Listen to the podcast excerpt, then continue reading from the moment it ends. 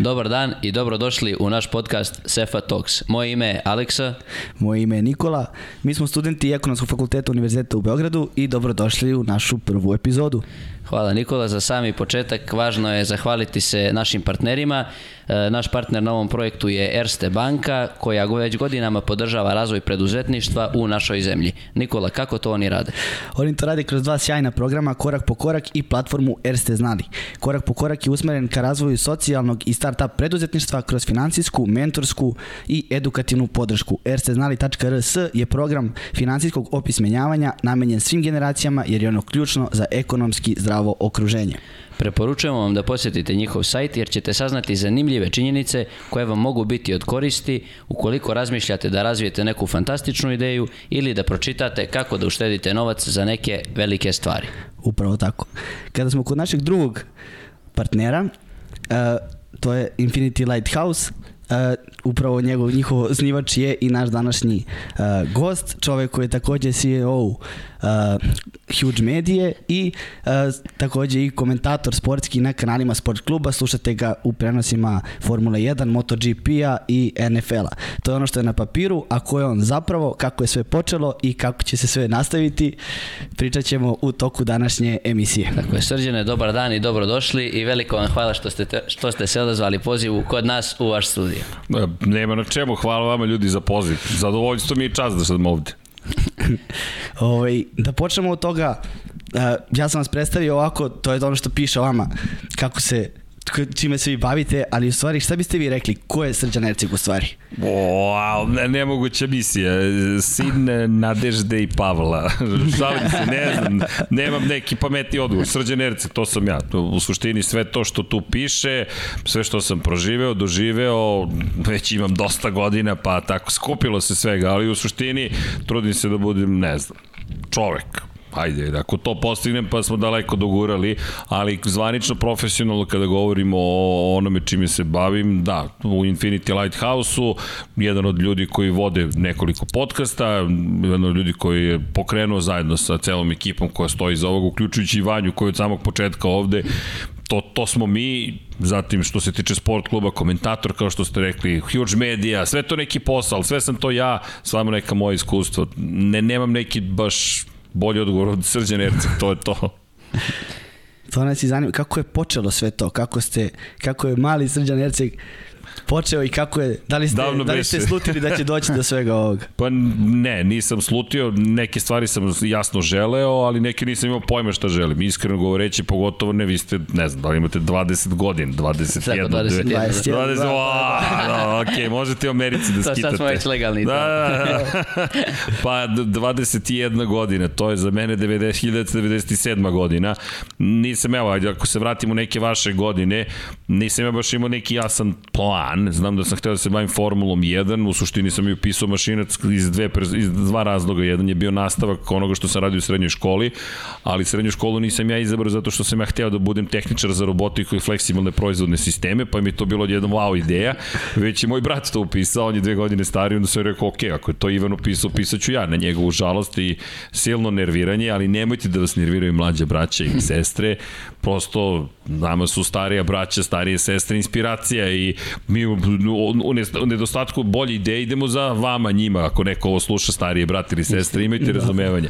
Čak i ukoliko vas nervira, to, je, to, to ko zna šta će da bude, sad se volimo, sad je sve u redu, ali ja sam njega ispratio i onda na mašinac sam otišao iz tog razloga što je to bio nastavak nekako prirodni onoga što smo učili u srednjoj školi i zahvaljujući tome što sam hteo da se bavim aerodinamikom u Formuli 1. Formula 1 je bila velika ljubav I nisam ja baš znao šta sad to znači, ja sam samo znao da bi trebalo da nastavim školovanje, nisam hteo da idem u gimnaziju, nažalost moje majke, jer to je bilo za štreb, ne štrebere, mi zapravo nisam ja znao da sam ja štreber, nego kao ideš u gimnaziju, kao ko, da. ko ide u gimnaziju, to mom društvu je, to ne, ideš na mašinac ili nešto slično tome, prirodne neke nauke, ali u suštini nije ni bitno, bitno je na, na ako čovjek negde sebe pronađe usput super, tako da, eto, to je bio neki put na, na samom početku, a onda između studija i srednje škole sam imao sreće da zapravo moji roditelji rade u, u to vreme izdavačkoj kompaniji to je, ne znam kako, kako se zvanično formalno zvalo, ali politika, mama je radila u politici, stenograf je novinar bila u dugi niz godina u politici,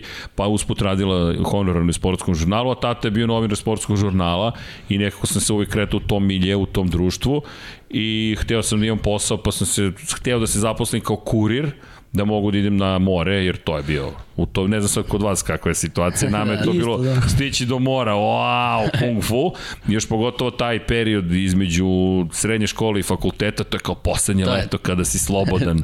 Sad treba da se... da, okej, okay, pitaću vas za 25 godina.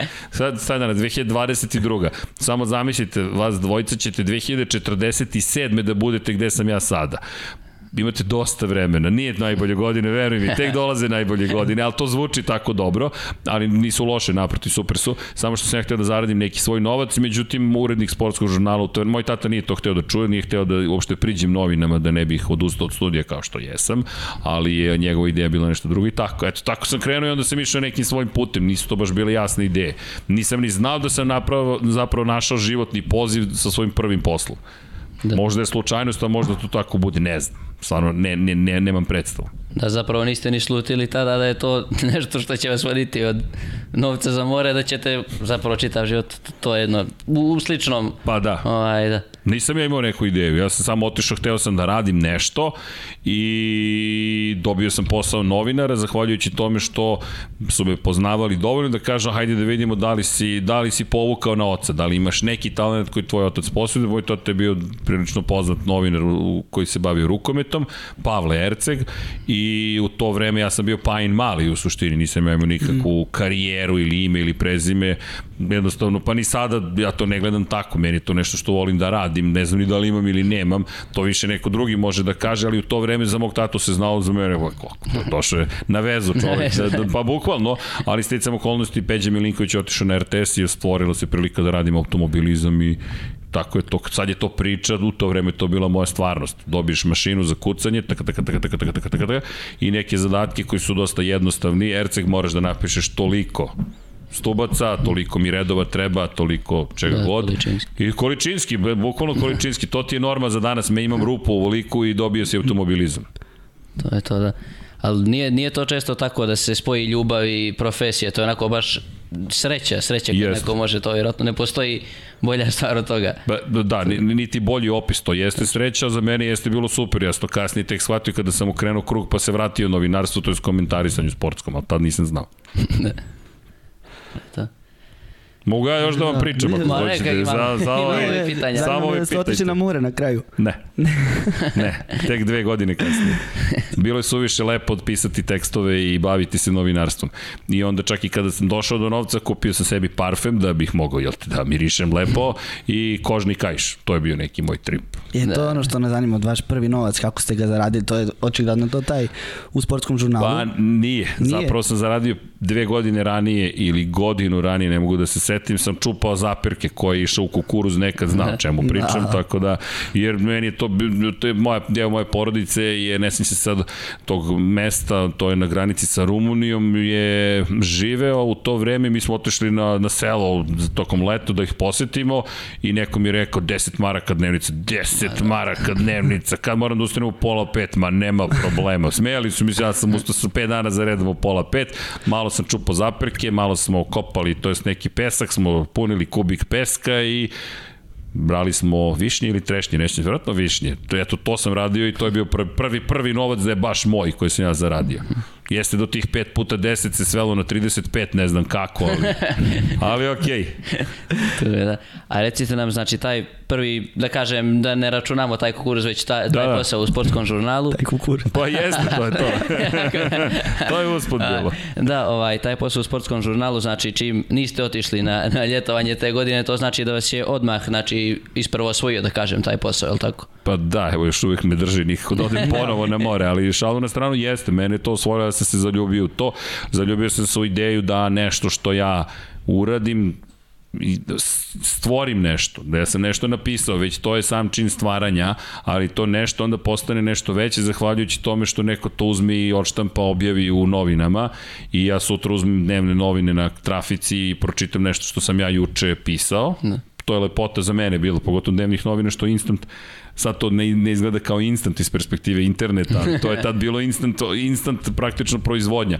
Ja nešto uradim, nešto se sutra pojavi, prek sutra to više ne postoji, ok, kratak je životni vek, ali za mene nije, to su uspomene, ali meni je to bilo fascinantno i onda sam samo hteo da što više pišem, to je sad već neka priča možda i o ambiciji ili čemu god, ali ja sam imao potrebu onda da kao i danas ispričam te neke priče. Ja mnogo volim da pričam, kao što znate, verujem, pa to je istina, ja volim da pričam i onda mi je to bio moj nekako način da se izrazim uh -huh. i to mi je bilo super. I mnogo me činilo srećnim da napišem što više stvari, ne samo količinski, već jeste čuli za svetski šampionat u motociklizmu, jeste čuli za ne Formulu 1, nego priče iz Formule 1, pa onda sam pratio Rally Dakar, to mi je bilo uzbudljivo, pa Svašta sam pratio, pokušavao sam što više toga iz sveta automotosporta da ispratim. Domaći autosport, autosport, motosport nisam toliko pratio, ne da me nije zanimao toliko koliko to je bilo neko čudno vreme, previše politički bilo jel te ljudi u tome, uključujući mm -hmm. i Marka Miloševića, sina Slobodana Miloševića, pa onda to je, ne znam, situacija iz nekog sveta podzemlja koja se pojavila tu, meni to ništa nije prilo, ja niste o tome da učestvujem i ne. onda sam se držao međunarodno. Ne želim da vam uvlačim tu priču, ali da, prosto da znate zašto mi nije bilo u domaćem mm -hmm. automobilizmu, što nema veze sa drugim automobilistima ili ljudima, prosto to je neka politika i to je onako bilo dosta za mene mm -hmm. bez veze. Da li možda imate sećanje nekog vašeg, od nekog od vaših prvih radova, nekog teksta koji ste prvi zadatak ili prvo nešto, da li možda i čuvate nešto od toga? Pa čuvala je moja mama i ja mislim da ona još uvek to čuva, moram da pogledam kod kuće šta tamo ima, ali nemam predstavu, moram da, da pitam šta je ona sve žena sačuvala, jer to niko živ ne zna šta je ona sve sačuvala, ali znam da je čuvala i to je, pitaću je, mama šta imaš sačuvano? Ne, ne, ja, ne, ja, ne, ja sam čuvao par stvari, sam hteo da sačuvam, onda se jednom trutku ima tu dve stvari. Jednom momentu sam shvatio, ako krenem da čuvam svaku dnevnu novinu, pošto sam svakog dana nešto objavljivao, ne znam gde taj magazin, sad bismo možda imali ovde za studio, za zvučnu izolaciju, ali je činjenica, to je problem bio i druga stvar što sam u jednom momentu shvatio da, da neću da živim u prošlosti, to jest u uspomenama, već, ok, to sam uradio, to je bilo juče, neki arhiv postoji, ja, ja padne mi ponekad na pamet da odem do, do, grade, do zgrade politike mm -hmm. i do mhm. sportskog žurnala da vidim šta sam to pisao. Nemam predstavu, zaista da li je to bilo dobro ili loše,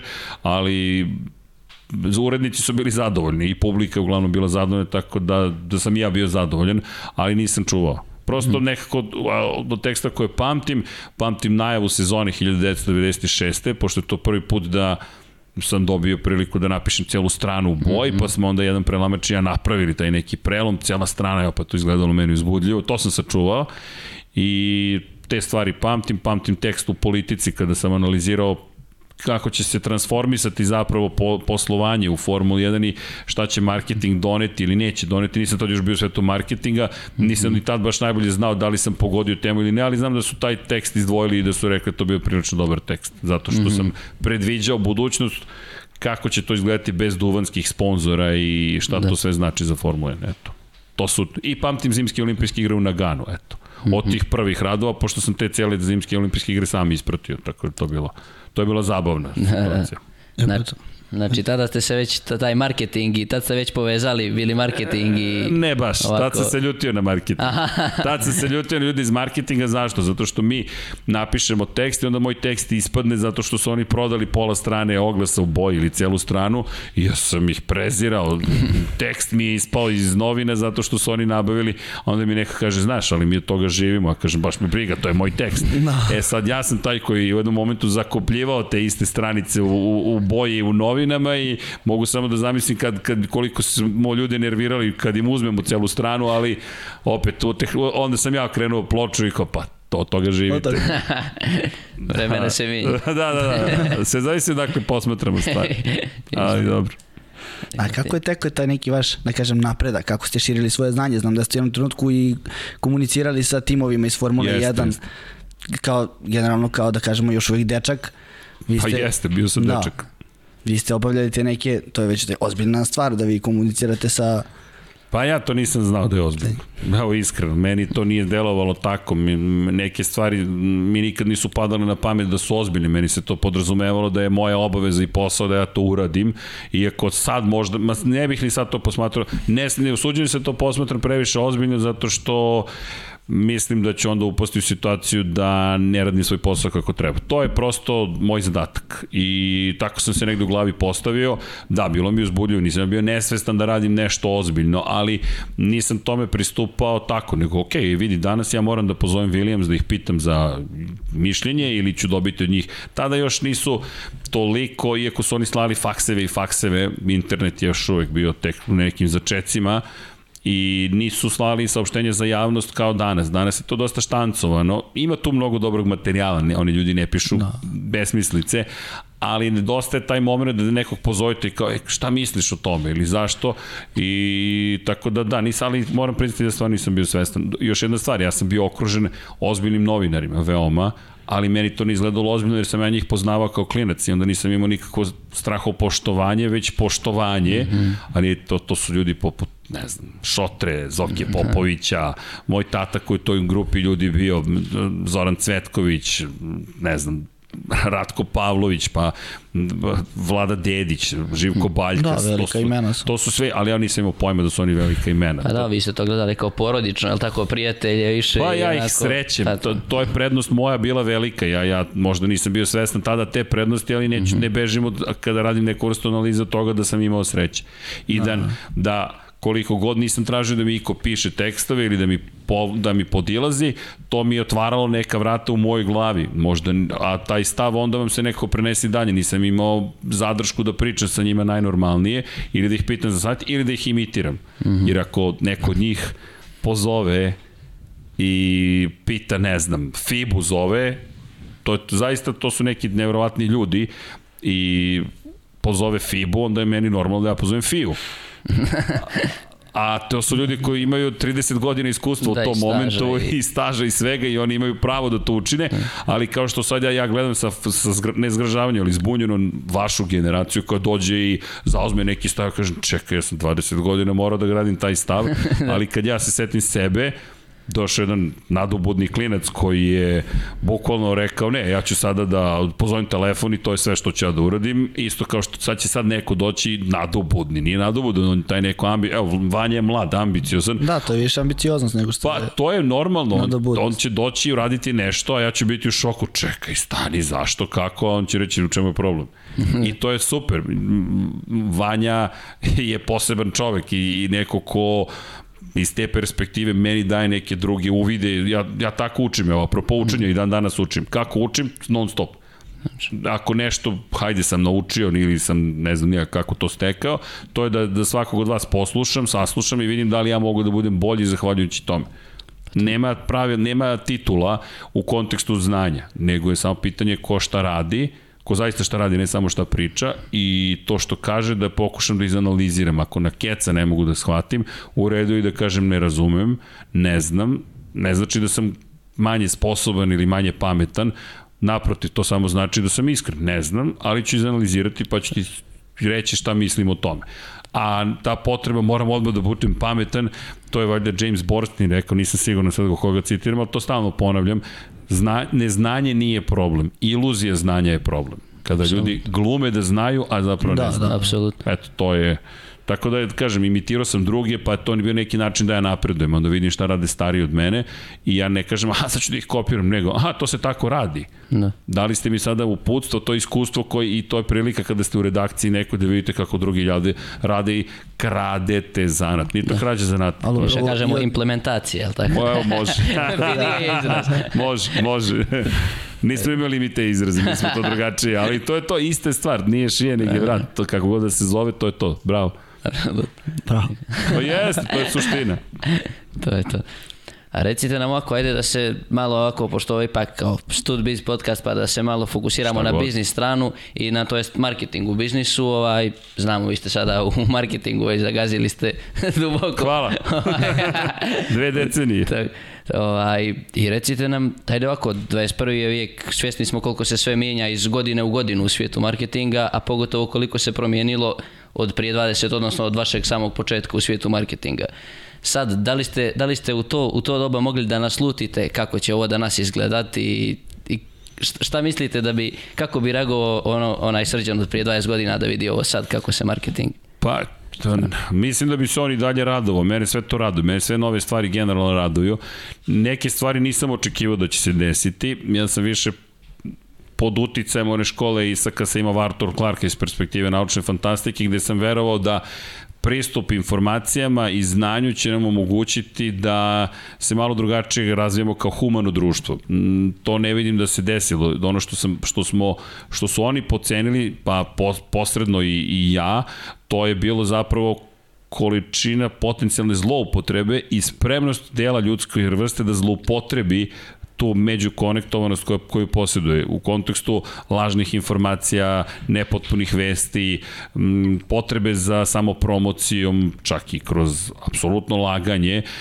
Nis, niko od nas nije, ono što nisam mogao ni da pojmim jeste da, će, da ćemo toliko otići u samo fotografisanje. Ne, ne osuđujem. Ja samo smo ušli u neku, to ne znam tačno ko je nazvao nekom novom normom. Mi jesmo u novoj normi kada, na primjer, pričamo o prijateljima kao seriji, postoji ta jedna čuvena epizoda gde Joey i Chandler idu u Rim i Joey je poneo kameru. kameru, da. I oni su nepristojni i neprijatni zato što se snimaju i zato što snimaju druge. Oni su u tom trenutku anomalija i društveno neprihvatljivi.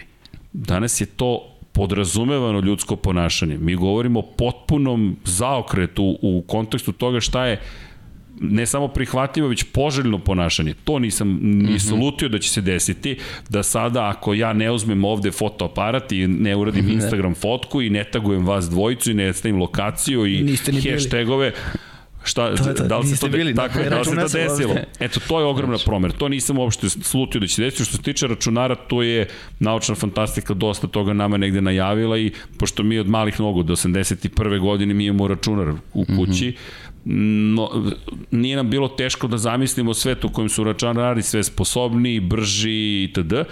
Što se tiče iPhone-a, na primjer, ili generalno mobilnih telefona, to je pametnih telefona, to više me šokirala pomama za iPhone-om u momentu kada već postoji QTEC 9100 koji sve obavlja isto što isto, i da. iPhone, ali niko ne priča o Kuteku, pričaju o iPhone-u. I onda sam shvatio, aha, ok, iz perspektive marketinga, da. koliko je šminka važna, koliko je poželjnost proizvoda važna, ne samo funkcionalnost i naravno koliko je konkretno Jobs zajedno sa njegovom ekipom inženjera i dizajnera otišao daleko u završnom proizvodu. Jer to je ono što je iPhone u velikoj iPhone 1 izdvojeno. Sada kada pogledate iPhone 1 izgleda vam jednostavno, ali u tom momentu to je ogromna promena gde je jedna od težih stvari tehnoloških bila kako je sa dva prsta ti zapravo možeš da manipulišeš ekranom. To oni su mhm. prvi to rešili u nekoj komercijalnoj upotrebi. Do tada jedan dodir, pri čemu imali ste foliju koju morate da pritisnete, da presečete. Potpuno su promenili interakciju sa elektronskim uređajem. Eto, to, to su stvari koje nisam baš vidio da će se mm -hmm. tako desiti, ali ovo što se tiče, ne znam, igračkih konzola, što se tiče računara i brzine, to je, to je već bilo nekako dato da ćemo ići u tom smeru. Tako da to nije, ali kažem, internet, više, verovao sam da ćemo biti humaniji i drugo da nećemo ići na dva i po web sajta dnevno, mm već od te, tog mora web sajtova da ćemo ići posećivati jedni druge, znanja, razmjena informacije i tako dalje. Malo onako naivno sve to, ali okej. Okay.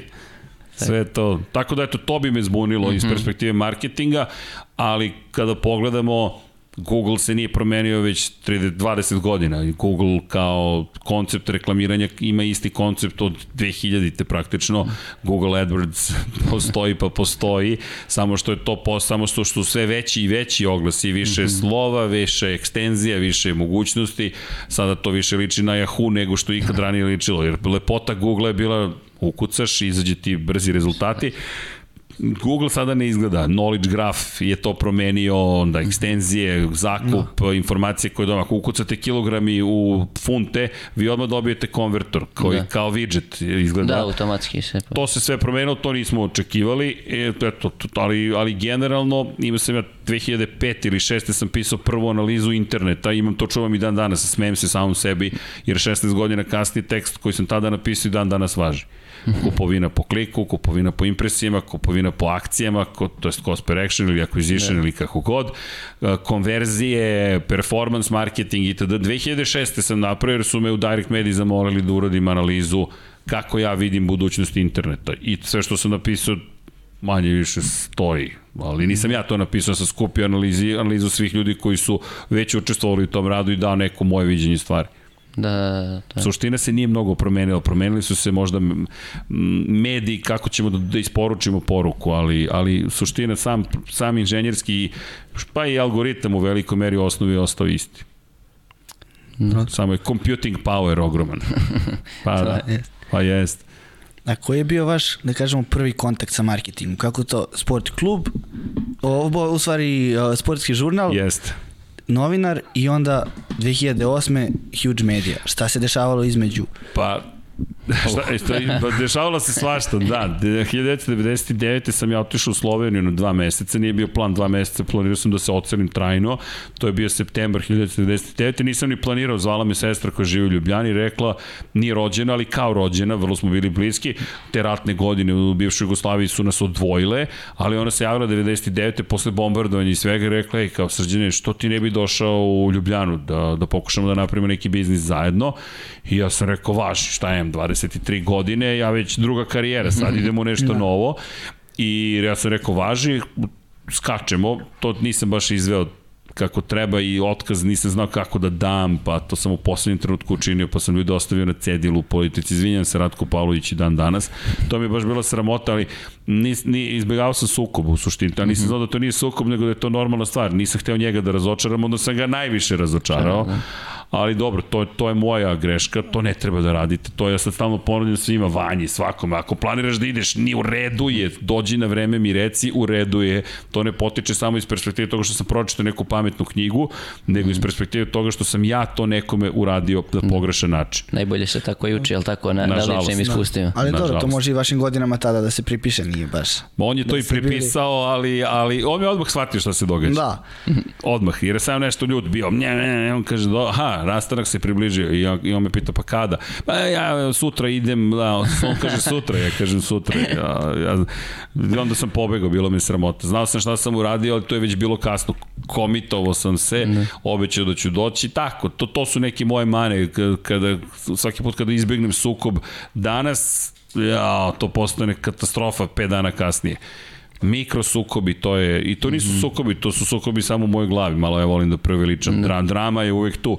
I tako da sam otišao u Sloveniju i nije, nisam uspeo u tome. To, to je neki moment kada prosto ni, ni, ni moja sestra Ana ni, ni ja nismo znali kako da se organizujemo međusobno, da funkcionišemo, jer potpuno smo dva različita sveta. Tad, sam, tad još nisam znao šta se desilo, tad je ona bila ljuta na mene, ja ljut na nju, jer nismo uspeli, ništa mi nije slušala, ona kaže ništa me on nije slušao i onda ne. shvatiš, čekaj, sad smo shvatili, pričali smo, ja mislim, post, pred 2-3 godine smo, posle 20 godina seli da popričamo, šta se desilo? Pa, ja sam ovako video stvari, ona je rekla kako ona videla stvari i sad nam je smešno, ali je tužno zato što, i nemojte da poslujete sa bliskim ljudima, nikada. Ljudi, nemojte nikada, evo garantujem vam, ako ste prijatelji, započete biznis, razići ćete se do, do kraja tog biznisa. Ne zato što je neko loš, već zato što i mala nijansa u razlikama će dovesti do toga da, to mi kao, neka ste pola stepena različiti u svojim putanjama. Ovde kada krećete, tu ste. Ali ta, tih pola stepeni kako protiče vreme, sve više ste udaljeni. I niko nije loš. Samo dođete do toga da ste za 10 godina kasnije na, na ovako potpuno mm -hmm. različitim tačkama i smer kretanja vam nije isti. Čak mm -hmm. i pitanje metoda. Ili ako imate isti smer, da li zbog metoda ćete se naći da. u sukobu. Sukobu, da. da. Moja topla preporuka, bolje angažujte ili snađite s nekim ko je potpuno stran, jer onda ćete potpisati ugovore, onda ćete imati papire, onda ćete imati e-mailove, nećete, malo tebi verujem, sve je strava. I onda odjednom se nađete, niko nije tu kriv, ne kriv, obe strane su uvek krivi ili više strana, ali to, to samo od savet niste me pitali, ne moram mhm. svima da kažem.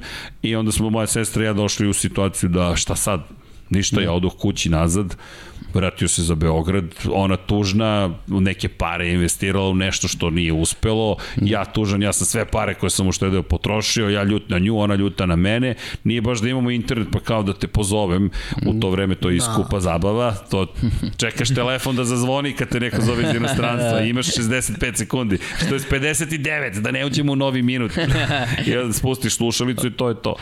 Tako da sam otišao i pošto sam, jel te, ako smijem da se izrazim slikovito, stražnicom zatvorio vrata, nisam ni išao da ponovo tražim posao, bilo me sramota u politiku, niste da se da. pojavim pred ljudima, baš mi bilo sramota. I onda sam rekao, ok, ajde da se posvetim studijama, jer sam umeđu vremenu sa mašinca otišao na tehnologiju, pa na japanski.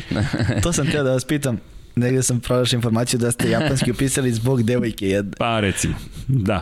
To je ideja bila japanski, a onda sam nju upoznao kada sam upisao japanski i zaljubio se do neba. Baš sam bio wow, zaljubljen, ali nesrećeno. Nema da. devojke, nema japanskog. Pa da, a, da, pa ne, sve to u redu. One devojka, mi smo bili, ona je bila tri godine mlađe, baš smo bili klinci. Mm -hmm. Niko ništa to opet, ništa, niko tu ništa nije loše radio, samo se ona nije zaljubila, ja jesam i to je to. Pa i to je okej. Okay. Sad što sam ja ljude. Što sam ja patio, to je to. to, je, to da ne, ne, to je išlo ovako, otprilike, ali sam upao u friend zonu, to je ono što je najgore. Da, iz toga nema nazad. Pa iz toga nema nazad, jako baš smo bliski, baš je super sve. Uh, ne, nije. ne, nije. Ne, nije. Bar meni nije bilo, ne znam, ali da, pa to je isto sve okej, okay. to su sve bolje na vreme da, da, da neke stvari se dese, ali okej, okay, taj put me opet sutra doveo do nekoga drugog s kim sam bio dugi niz godina, pa posle toga do nekog trećeg Simpsons dugi niz godina i tako, sve to, sve to deo životnog ciklusa, šta da radite. Tačno. Ali da, japanski, da. u jednom momentu nisam hteo da idem na katedru, nisam hteo da je vidim. Povređena sujeta. Ne, nemoj mi prići. Šalim se, ali prosto nisam diplomirao. Onda kada se svetio Sloveniji sam rekao, ok, sada novi život okrećemo, da, da, po, ušao sam u vezu koja je baš trajala preko 10 godina, postoji baš sam bio da je super nova veza, idem ja da završim japanski, ne veze što nemam posao, kod mame i tate sam, sve će biti u redu u krajnjem slučaju, onda mama i tata posle godinu i po i data dva i po ispita su bili pomalo razočarani mojim performansama, malo, jel te, onim što sam učinio, zapravo smo se moj kum i ja igrali igrica neprekidno. Neprekidno. Pa da, ali tad smo mi tako pisali, bili smo dokoni. Pisali smo svim vladama ovoga sveta izražavali, da, da, to je nam je bio, to je bio trik. Da, bukvalno obavestili smo sve predsednike većih zemalja i lokalnih regionalnih zemalja da ih podržavamo u njihovim nastojanjima da postignu globalni mir. Plemenito. Plemenito, ne, mi smo stvarno rekli želimo da mir na, mir na sve, ne znam nija kako me palo na pamet, ali mislim da smo gledali, to je, te, to je, to ta, tak, ne znam, vaša generacija, naša generacija tako, to je, to je bio smisao za humor i onda da li smo gledali, ne znam, izbor, zaista ne želim da karikiram za mis, pa je neko rekao želim mir u svetu, onda smo mi rekli mi želimo mir u svetu, ajmo sada da pišemo, pošto sad internet postoji, da, da, da. ajmo mi da pišemo svima, svim državama, Americi, Rusiji, Nemačkoj, Kini, ne znam kome, Kini nismo mogli da pošaljemo, u Jugoslaviji, Hrvatska, Crna Gora, svim, ne, Crna Gora, Srbija i Crna Gora su bili još zajedno. Mm -hmm. Dakle, ne znam kome sve mi nismo pisali, svima smo se zahvalili što žele mir u svetu. Da, tu se već iskazala, znači, ta humana nota. Tako je, humana, ali Bela kuća nam je odgovorila. Ozbiljno? Da, zahvalila se na, na, na poruci i ne sećam se tačno što su nam još odgovorili. Šta Na šok, mi je sedio, ok. Da, mi smo se bukvalno šalili. Da ne šalili, želimo mir u svetu svakako, ali eto, to smo radili, zato i nisam diplomirao. I onda jednom trenutku sam shvatio, ok, sad nemaš ni diplomu, dobro, bar imaš devojku, to je cool. Mm nemaš posao, para nemaš, more nisi video od 97. a od 95. samo jednom sam otišao 97. na more, možda ne bi bilo zgorek da nađem neki posao. Apropo Direct Medije i tako smo došli do Directa, ja se zaposlio zapravo kao administrator u igronici, to vreme to je, i to ni ne znate da je postalo industrija, se zvala klub koji se nalazi kod Platoa, mm -hmm. to je čuveno bilo mesto 90-ih u Beogradu gde je ceo Beograd je dolazio, to je to je baš bilo mesto. Posle KST Akademije, onda na sledeći korak ti je industrija. Tu mm -hmm. sad već odrasla osoba, imaš 22 da. godine i tu ne dolaze klinci od 18. Jer šta će nam oni? I tako, i da, i, o, i onda odjednom industrija propala i postala igronica sa 60 računara u koji su mlađi od vas i igraju Counter Strike. Ja sam administrator mreže tu, to je admin cele te priče, mm -hmm. jer sam imao iskustvo s računarima, ali tad sam prvi put shvatio da je došla neka nova generacija koja je brža od mene na računarima računarima bio sam zonu, šta se desilo, zašto, kako, a ono klinci 12-13 godina, counter, ovo liki nišan, rezolucija 320-200, da. sve je u zrnima ovako, ali frame rate, a, 120 i oni ubijaju koga stignu i onda ja gledam da li neko ima cheat code, neki dalje nešto radi, nije radi, tako dalje. Zašto to pričam? Zato što je došlo baš pre Direct, jer sam se zaposlio makar negde. Mm -hmm. Jel te od novinara došao sam do administratora, ne pocenjujem posao, ali ovo je bilo perspektivnije. Administrator mreže baš i nije imao neku veliku perspektivu u tom momentu, a mada svaka čast ekipe koja, ja se neće više ni te kompanije, oni su mi baš podržali i bili su super, ali otišao na neki rođendan, sreo prijateljicu koja je radila u to vreme u Vationu, koji je osnivao Direct Mediju i on pitao šta radiš, rekao ne radim ništa, tražim posao. To jest radim, ali bilo bi bolje da promenim neki mhm. perspektivni posao. Zašto? Ne pocenjam ni jedan posao, ali često privremeno rešenje postane trajno rešenje. Šanker, konobar, administrator mreže, nešto slično i nije to ne znači da ne može da se napreduje, ali ukoliko uđeš u taj posao, onda vidi gde je domet tog posla. Mm -hmm. ne, ne mora niko da vidi domet, niko ne mora da bude ambicija, niko nije dužan. Ja zaista mislim da svaki posao častan osim ako kradeš.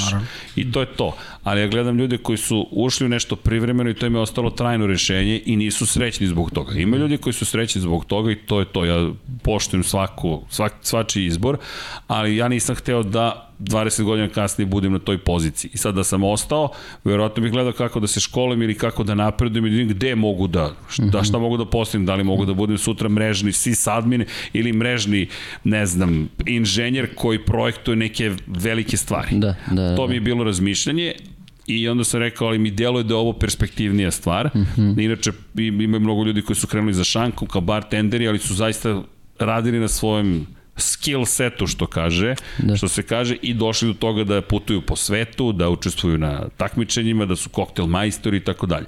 Tako da svugde možeš da odeš na jedan visoki globalni nivo, da. kao kuvar. Ja, ja ako kuvam, to nećete se lepo provesti, ali neko ko ima plavu lentu, taj, da. ta, ta, ta dama, taj gospodin zaslužuje ozbiljno poštovanje. Elem, Rekla mi je, prijavi se za posao, ja se prijavio za posao i dobijem posao u Direct Mediji.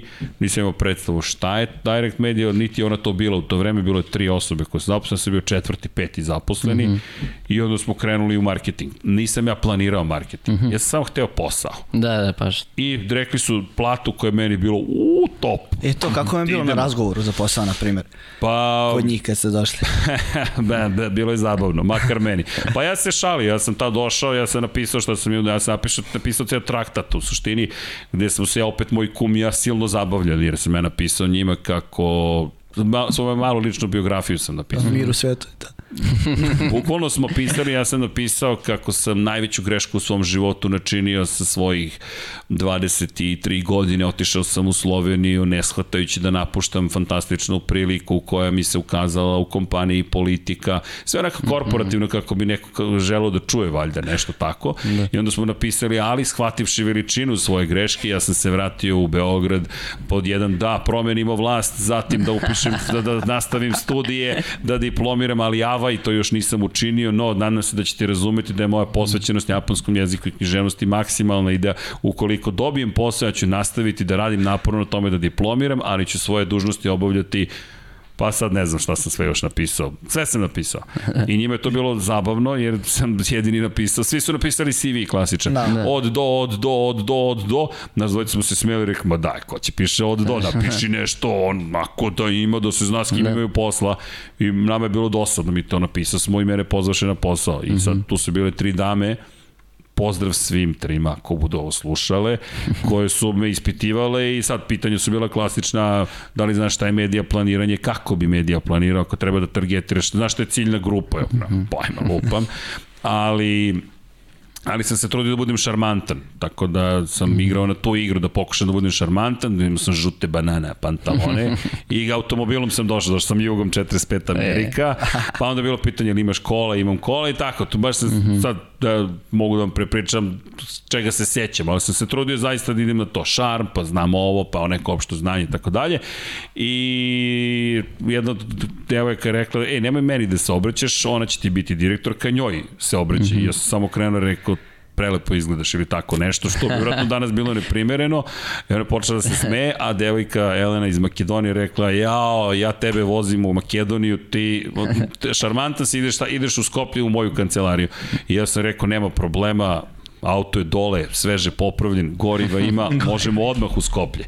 I naravno, oni su počeli da se smeju jer to, to ne radiš na razgovoru za posao, ali ja to radim na razgovoru za posao jer to sam ja. Da. I ja sebe predstavim tako, da mi je bilo strah i jeste i nije, ja sam rekao šta sad došlo da se, šta sad, pa dobijem posao, ne dobijem posao, najgore što će se desiti bit ću administrator mreže i sa kumom ću dalje da želim mir u svetu i sve će biti u redu, tako da je to bila ideja i oni su mi rekli, počeli da se smeju, rekli, ok, javit ćemo ti se, ako te budemo primili, primili su me i posle sam sad sam bio jedini primljen posle prvog kruga, pošto mm -hmm. to njima bi, i posle su mi rekli, angažovali smo te zato što drugačije razmišljaš, da. pa smo hteli da vidimo da li nešto možemo da dobijemo od tebe zato što drugačije se ponašaš, ako ne razmišljaš i tako. Tako da, eto, to je bio moj razgovor za posao. Da. To je, to je istina kako je se ja sećam i znam da su me zvali, ne znam, ja sam već odustao, rekao, ma nisu meni angažovali. Tipa šest mm -hmm. nedelja je prošlo i oni zovu kao, e, kao, mi smo to, ako hoćeš, mi ti nudimo posao, ovo bi bila plata, ja u šoku, što pričaju ljudi. A jedino što sam lagao za pivot tabele, da. Ali to nije bila laž jer sam to pretvorio u istinu, jer su me mhm. pitali da li znam pivot tabele, ja sam rekao, naravno da znam pivot tabele. Da, ko to ne ko, ko ne zna pivot tabele, ne razumem pitanje. I on kao, dobro, ali nisu imali računar tu pa da me testiraju, ja sam rekao, top, pivot tabele, a onda sam otišao i naučio sve o pivot mhm. tabelama, pa i dok sam došao, dok sam dobio posao, znao sam više od svih ostalih o pivot tabelama, jer kao što nisam znao da radim nešto ozbiljno, smo kum i ja seli i rekao, pivot tabela, aj pročiti šta su pivot tabela, nemam pajma. I onda smo uzeli da se igramo s pivot tabelama i na kraju sam znao pivot tabele, dok kad sam došao u firmu već sam znao pivot tabele. Znam jedna koleginica pitala, pa znaš pivot tabele, rekao si na intervju da znaš, pa znam. pa da vidim. Mislim, tako da to, ne znam da li je to laž ili istina, sad sve zavisi od vremenske instance. Da. Ali to, i, to i govori samo to, taj vaš intervju i stavi ponašanje, koliko je u stvari važno istaći se tu, jer onako Biti da se svoj, ne pa uklapaš pa da. u masu. Da je... Pa da, s tim što um, samo je tu opasnost, to je Valentino Rossi lepo rekao da ne postanem pajac. I mm -hmm. on je rekao, možete da se ponašate tako ukoliko pobeđujete, ukoliko donosite rezultate, ali ako ne donosite rezultate, da. celo to ponašanje mora da bude potkrepljeno nečim. Sad, moja potkrepljenost je potekla iz ne, apsolutnog nerazumevanja da smo mi kod, od kuće doneli i neko vaspitanje koje ljudima odgovara u poslovnom okruženju makar, znanje upravljanja računarima, znanje engleskog jezika, mama i tata su kupovali knjige non stop, pogotovo moj otac, Mama ga je podržavala u njegovim svim idejama.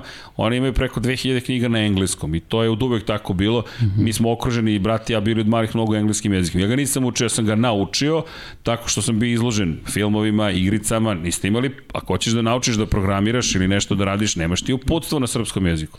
Imaš nemačko, špansko, italijansko, englesko. Uglavnom, italijansko, špansko nismo dobili nikada.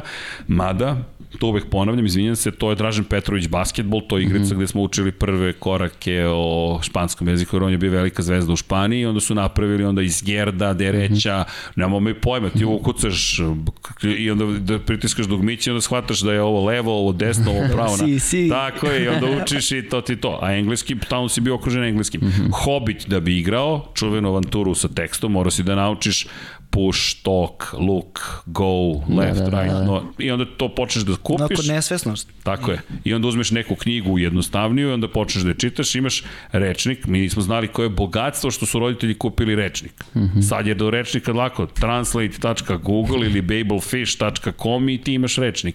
Ali to je 80 neka 90-a i pojente kupujte knjige, zašto mi volimo i naš studiju što ima knjiga, mm -hmm. kupujte knjige, čitajte knjige, da, sad je sve digitalno, ali mi smo imali mogućnost da uzmemo ovako rečnik, ogroman rečnik srpsko-engleskog jezika, u to vreme se zvao srpsko-hrvatski i vrtiš ovako i kažeš, aha, to je ta reč i onda ti sklapaš, ali to sam pod brata pokupio, to je moj brat mhm. krenuo da radi, onda sam rekao, po, ako on to radi, sad ću ja to da radim. Da, da.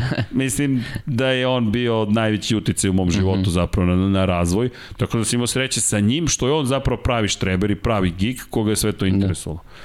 Da opet sreća, ali imao sam i volju da, da, da na taj način neko napravim. Tako da, no. Apropo svega toga, to je onda meni pomoglo da mogu da se uh mhm. -huh. blesavim, jer znam šta znam. Da. Jer ako je samo blesavljanje, onda će taj balon da se isprazni vrlo brzo. Ali se slažem, ako možete da se izdvojite nekako, go for it, samo što da. prvo se potkrepite znanjem, pa onda... Da, svakako imate pokriće za to. Tako je, tako je. To je I to. sada znači imate posao, otac, Imam posao. otac ponosan, Pa, nije više dobro, nije ne, više nije bio ponosan. Moj tata je, moj, nije to državna firma.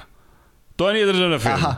šta će ti, to ok, Da. zadovoljan sam ja, onda je posle bio zadovoljan jer je bila uspešna kompanija, pa kad sam napustio Direct Media nije mu bilo dobro, kao ni mami, crni sine opet ponovo, ali u početku im je to bilo, pa dobro, bar ima posao, ako ništa drugo, ali privatna firma, jao, privatnik, katastrofa iz njegove perspektive i mamine perspektive, drži, drži palče, će sve biti u redu. Ali nisu bili nezadovoljni. Dobro, da. Pa da, tad je još, jel tako, iz doba komunizma se vuklo to Tako da je. je javno preduzeće, nema Na, preko i... pa njima je šok bio što sam ja otišao iz politike, jer, jer je uglavnom bila težnje dođeš do politike, ti si uspeo. Sad Mhm. samo narednih 15 godina čekaš stalno zaposlenje i sve je u redu. Honorarac si, pa sad staž, skupit će se staž u nekom trenutku. Ja nisam bio prijavljen sve te godine ni u žurnalu, Da, ni u da, politici. sve je honorarno. Sve je honorarno. Sad bih mogao da odem vjerojatno da kupim staž. Ali sam već tad shvatio od penzije, ako budem živeo, teška priča. Tako da sam tad već težio tome da zarađujem pare. Radio sam ja projekte i sa strane. Imali smo mi kompaniju 99. koja je propala vrlo brzo. Sve pare smo tu isto potrošili. Hteli smo se bavimo prodajem računara. Računara, da, ali da. su nas optužili da smo previše fini i da sigurno nešto muljamo i krijemo. Jer u to vreme biti fin je podrazumevalo da zapravo nešto kriješ. Šta da radite? Šta da radite? To je druga neka vremena. Druga vremena. Da, ali da, dobio sam posao i krenuo da radim. Tačno. To je 2001. godina, decembar. Prvi, 3. decembar je bio moj prvi radni dan. I eto da se vratimo na taj put do Huge Media do 2008. godine. Kako se kako ste vi nast... kako kako je došlo do toga? Kako je došlo do toga? Znači, kako ste pokrenuli to nešto? E, ja kako sam shvatio vi ste sa još dva drugara, ali Jeste. tako osnovali. Sa Ivanom. Rečevićem i Bogdanom Brkićem. To su dva Eto. osnivača još, pored mene. I vrlo brzo nam se pridružio Nikola Barać kao neko ko nije bio formalno osnivač, ali ko je de facto zajedno sa nama pravio kompaniju. Zapravo Mhm. najviše smo radili Nikola, Ivan i ja. Bogdan nam je dao mogućnost na početku da kroz agenu uopšte dobijemo poslovni prostor, Mhm. krenemo, ali nas trojica smo osnivači. Zvanično. Da, formalno. Pa da, to se, da, mi smo to na Cvetnom trgu seli i u kafiću koji više ne postoji likvid, dogovorili se da krenemo u akciju. Ali, Ali to ona kažite. priča kao sad napravimo biznis da napravimo pare ili ideja? Šta, vas je, šta je bilo vaš motiv, šta vas je vodilo? Pa- Kada zaradite Pa novac, jedno i drugo, ne, ne, nismo odvojili to, nije, nije bilo sad samo ideja, mi tad već imamo 32 godine Da. i već smo nešto proživeli, shvatili smo da sve to lepo, ali sad već imaš neke račune, kupio si nova kola, imaš ratu za leasing, imaš neki kredit, nešto, nema više mogućnosti, e, idem kod mame i tate, već ne živimo kod mama i tata, ne, ne, nema tog filma, sad nema više nazad kod mame i tate, sad moraš da zaradiš za kiriju, tako da je to bio moment gde smo rekli, ne, mi moramo, hoćemo da krenemo, imamo neki novac, ali ajmo da skočimo, jer smo zajedno pravili prvu kompaniju, ali nemoj kao prošli put, nego da, da, pa da napravimo neku firmu i da zarađujemo pare što je brže moguće. Ali nije bila samo jedna stvar, da kažem, ali nismo imali ideju o spašavanju sveta, da se odmah se. Ne, ne, ideja je bila, čekaj, ovo, ovo hoćemo da pravimo, što bismo to pravili za druge, ajde da pravimo ovo za nas to je bila osnov, že, pot, želja za nezavisnošću. Uh -huh. I finansijskom i nekom da kažem, ne mogu reći intelektualnom, ali neki taj osjećaj slobode da ti radiš ono što ti želiš za sebe. Da. To je bila i zvezda vodilja, a novac, hajde da kažemo, smo podrazumevali da moramo da, Da, on zaradimo. prati sve to. Pa mora da se zaradi, hteli mi ili ne, on mora da se zaradi. A koji biste ovako savjet dali tako, evo, osnovali ste više firmi i Da. koje su prosto Serijski. dobre i koje nisu. Koji je ovako savjet broj jedan da kažem, koji biste dali mladim ljudima koji, koji žele da pokrenu nešto svoje? Na šta treba da se fokusiraju, ne u smislu koju branšu postoji slično, nego koje greške da ne prave, na primjer. Da, greške vi da ne prave? Pa najveća greška mislim da je to, ta priča o prijateljstvima, jer s- mi smo na kraju se razišli, mi smo, razišli smo se dobroćudno, ali smo se dalje razišli i, i nije da se sad čujemo svaki dan. Nemam, nemam ja ništa loše da kažem mm -hmm. ni u kome, nadam se ni oni u meni, ali ne znam, ali činjenica da se mi nismo različili sad na nivou, e, zovem te sutra, ne, više te ne zovem. Ne zato što sam ljut, nego zato što a, prosto dođeš do stadija. Zasićenost neka. Pa nije, ne znam ni dalje zasićen, ne znam šta je, ali otišli smo na potpuno različite strane. To ono što sam pričao na početku, jedan je Ovo. otišao vamo, jedan ovamo, jedan ovamo, jedan ovamo i sad a mnogo toga ste prošli i kad prođete kroz bitke zajedničke, svi kao ja zajedno smo bili u bitci poslovi, to je bitka, to je stvarno mm -hmm. bitka, ne točete se ni sa kim, to su to ozbiljan stres, vi jurite posao, realizaciju posla, naplatu, plate, nerazumevanje, učite da budete menadžer, to je super, kao upravljaš ljudima. Ne, najteže je upravljati ljudima. Ljudi nisu programi, lakše mi je da isprogramiram nešto i da kažem run i debug i kažem to je super, sa ljudima to je potpuno drugačije, moraš emotivno da ih razumeš, intelektualno da ih razumeš, društveno da, da li se uklapaju, da li su u problemu u svom životu ili nisi, a mi smo svi ambiciozni ljudi koji su nestrpljivi, a ti sad moraš da čekaš nekoga da sedam dana da on shvati ili da prihvati ili da mu prođe kriza u privatnom životu i tako. I to, to je, na primjer, ali savjet koji bih dao, uh -huh. pažljivo birajte svoje partnere. I ako ulazite s prijateljima u partnerstvo i kumovima i svima ostalima, zaboravite na taj odnos. To jest, i vrlo je teško očuvati ga da se ne posvađate, morate da budete mega zreli i da mm. kada padnu teške reči, koje su poslovne teške reči, ne shvatite to lično. Mislim da je to mm. najvažnija stvar. Lakše je sa potpuno nepoznatom osobom ući u biznis i kada vam kažu ne verujte nikome, nije to paranoja na nivou neko će te prevariti. Ne, nego se sigurno nećete razumeti 100%. Mm -hmm. Razumećete se u najboljem slučaju 90%, jer i ovo što ja vama pričam, svako od vas će stvoriti svoju sliku. Šta god vi meni da pričate, ja stvaram svoju sliku, veština komunikacije je najteža stvar. I ono što je veliko pitanje je kako ćete rešavati nesporazume. To jest, ako sad nas trojice smo napravili kompaniju, mm -hmm. i sad, kako upravljamo? Ko je izvršni direktor? Evo, ajmo da odigramo ulogu. Evo, mi ja bih pustio vas da budete izvršni. Dobro, okej, okay. sad, sad imam malo više iskustva, ali da, osnovate da, da, kompaniju. Jasno. Kako biramo izvršnog direktora? A imamo iste godine. Da. Zašto biste vi meni dali da upravljam? Možda Da, vi želite, ja možda želim. vi želite, tako je. I sad, je li želja dovoljna da nekog podržimo da bude direktor? Da. Ne pa, znam. Dobro, možda ako smo opet, ako smo bliski, svesni smo ko kakve sposobnosti ima i onda se dogovorimo, na primjer, vi ste bolji eto, za može. Odnose s ljudima, on je bolji za nešto drugo. To bi i... bilo idealno. To bi zaista da. bilo idealno. Moje iskustvo govori obično kada dođe do toga ko će biti direktor, to je ko će imati zvaničnu moć, da, da to ljudi upadaju u neke situacije čudne. I to nije na nivou da je neko nešto loše uradio, nego ta potreba da se bude glavni ili šta da. god, koji iz mojeg iskustva dosta promeni ljude. Da. Ili ih dovede u situaciju u kojoj oni ne mogu da se snađu. Jer to je Da li imaš moć? Apsolutno, ali ta moć je zasnovana na odgovornosti. Ako si uzeo moć, budi odgovoran. Mm -hmm. Često se dešavalo da, da, da, da, nije, da ne, balans ne želi veliki broj ljudi. Hoće da odlučuje, a kada bude problem, neko drugi da bude odgovoran. Mm -hmm. Ne može. I još jedna stvar, ako sad nas trojica nešto hoćemo i kažemo idemo desno, idemo na ona vrata, jel sad glasamo, pa pravi, idemo kao ne. komitet, ili smo mi rekli vi ste izvršni direktor i pratimo vas ako smo uveli navodno efikasnu kompaniju, izvršni direktor je taj ko je doneo odluku, nas trojica, onda moramo da stanemo iza te odluke. Ne smemo da vršimo sabotažu. Mm -hmm. A sabotaža je, ne zna on šta radi, ja ću da kažem da ga podržavam, ali ću da uradim ja nešto drugo. Da to je katastrofa. To se često dešava među prijateljima mm -hmm. i onda dobijete nezavisne celine u okviru kompanije to završi katastrofom. Jer onda se vi osjećate izdanim, možda je najbolja namera. I, i najbolja namera ne opravdava poslovni potez. Mm -hmm. Ni privatno, ni poslovno ne opravdava čoveka. Ja ako kažem ne, No means no. Ima taj čuveni da. kanadski band. No means no. Ako smo se dogovorili ne, to je ne. Ovo važi za ljudske odnose, pogotovo to devojke. Evo ovdje ima devojka koji znaju o čemu pričam. Ne znači da. Ne, ne. Ne znači ne. ne. Da, to je to. To ne, to znači ne. Isto je u biznisu, isto u privatnim odnosima. To znači ne. A ako smo rekli ne, ne može da bude važi prijatelj, ja sam rekao ne, ali sad ću ja da ti namestim da, da ti shvatiš da je da bolje da si da, rekao da. da. Pa šta radimo onda?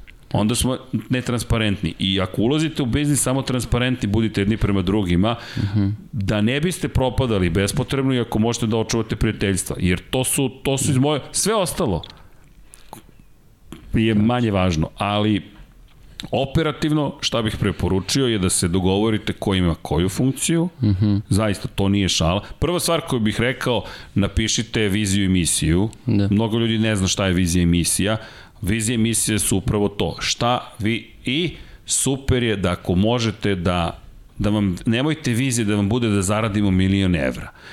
To je poslovni plan eventualno, ali to nije vizija. Univerzum u kojem ja imam milion evra. Mm.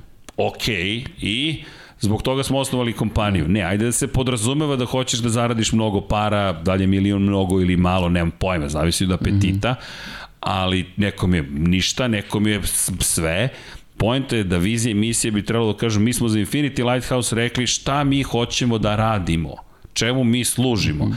I to je neka vrsta kapitalizma koju ja mogu da prihvatim. To je, da li je to izmišljeno? Apsolutno, ali ako idemo ka egzistencijalizmu, pa kao koji je smisao života? Pa nema ga. Nema ga. I smisao je koji mu mi damo u suštini. To je moje mišljenje. Da, da, da. Samim tim sve je smisao. Ako je vama smisao, hoću da pecam na moru, da mi to bude smisao, to je legitimno.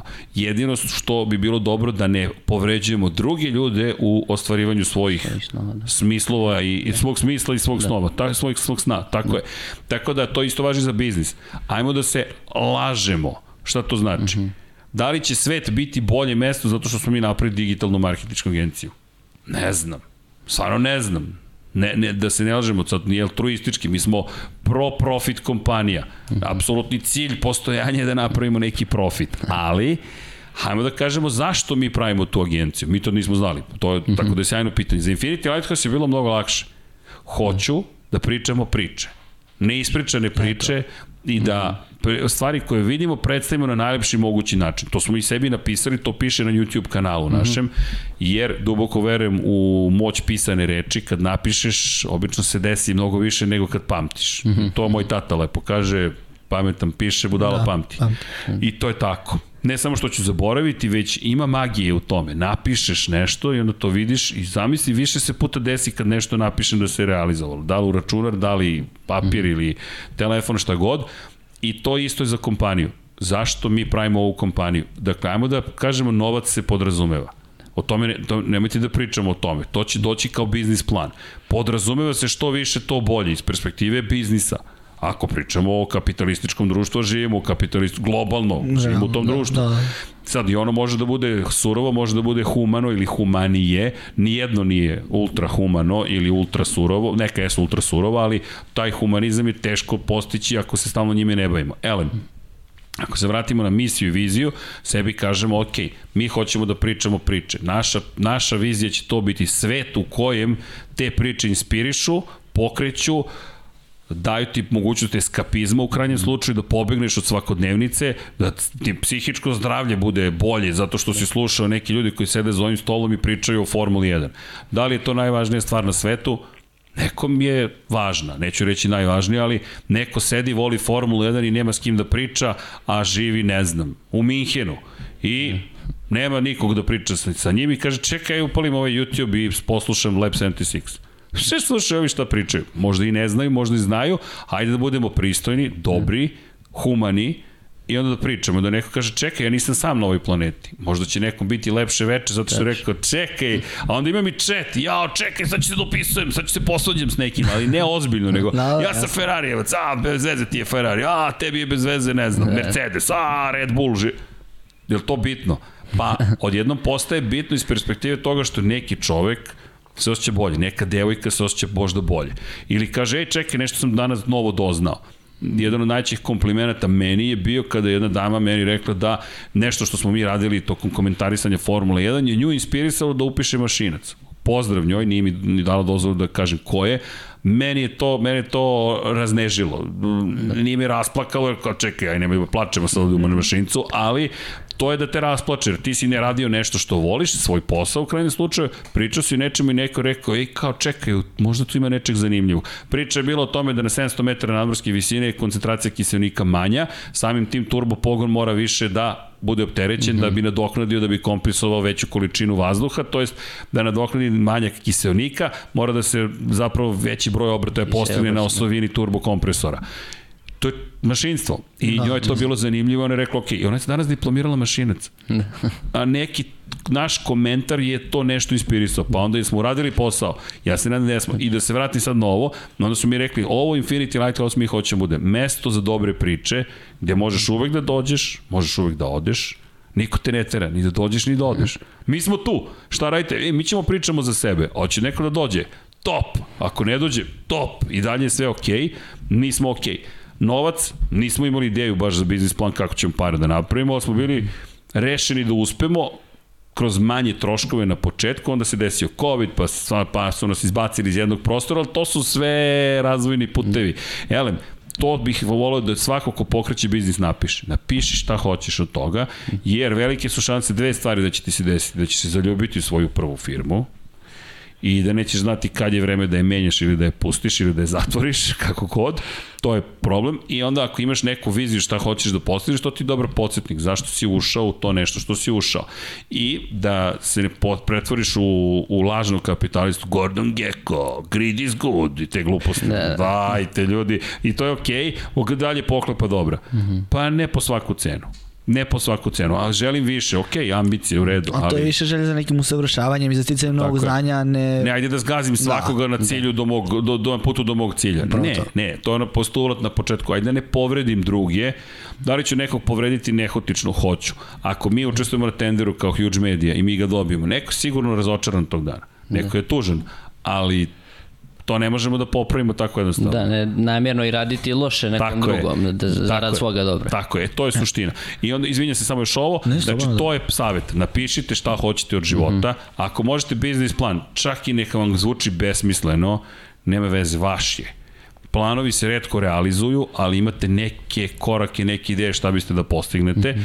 Trudite se da održavate dokumentaciju preciznom, jer će vam to biti potrebno. Citiram mog prijatelja Marka Gargintu, nikad nisam pravio kompaniju da je prodam, ali sam je uvek pravio tako da mogu da je prodam.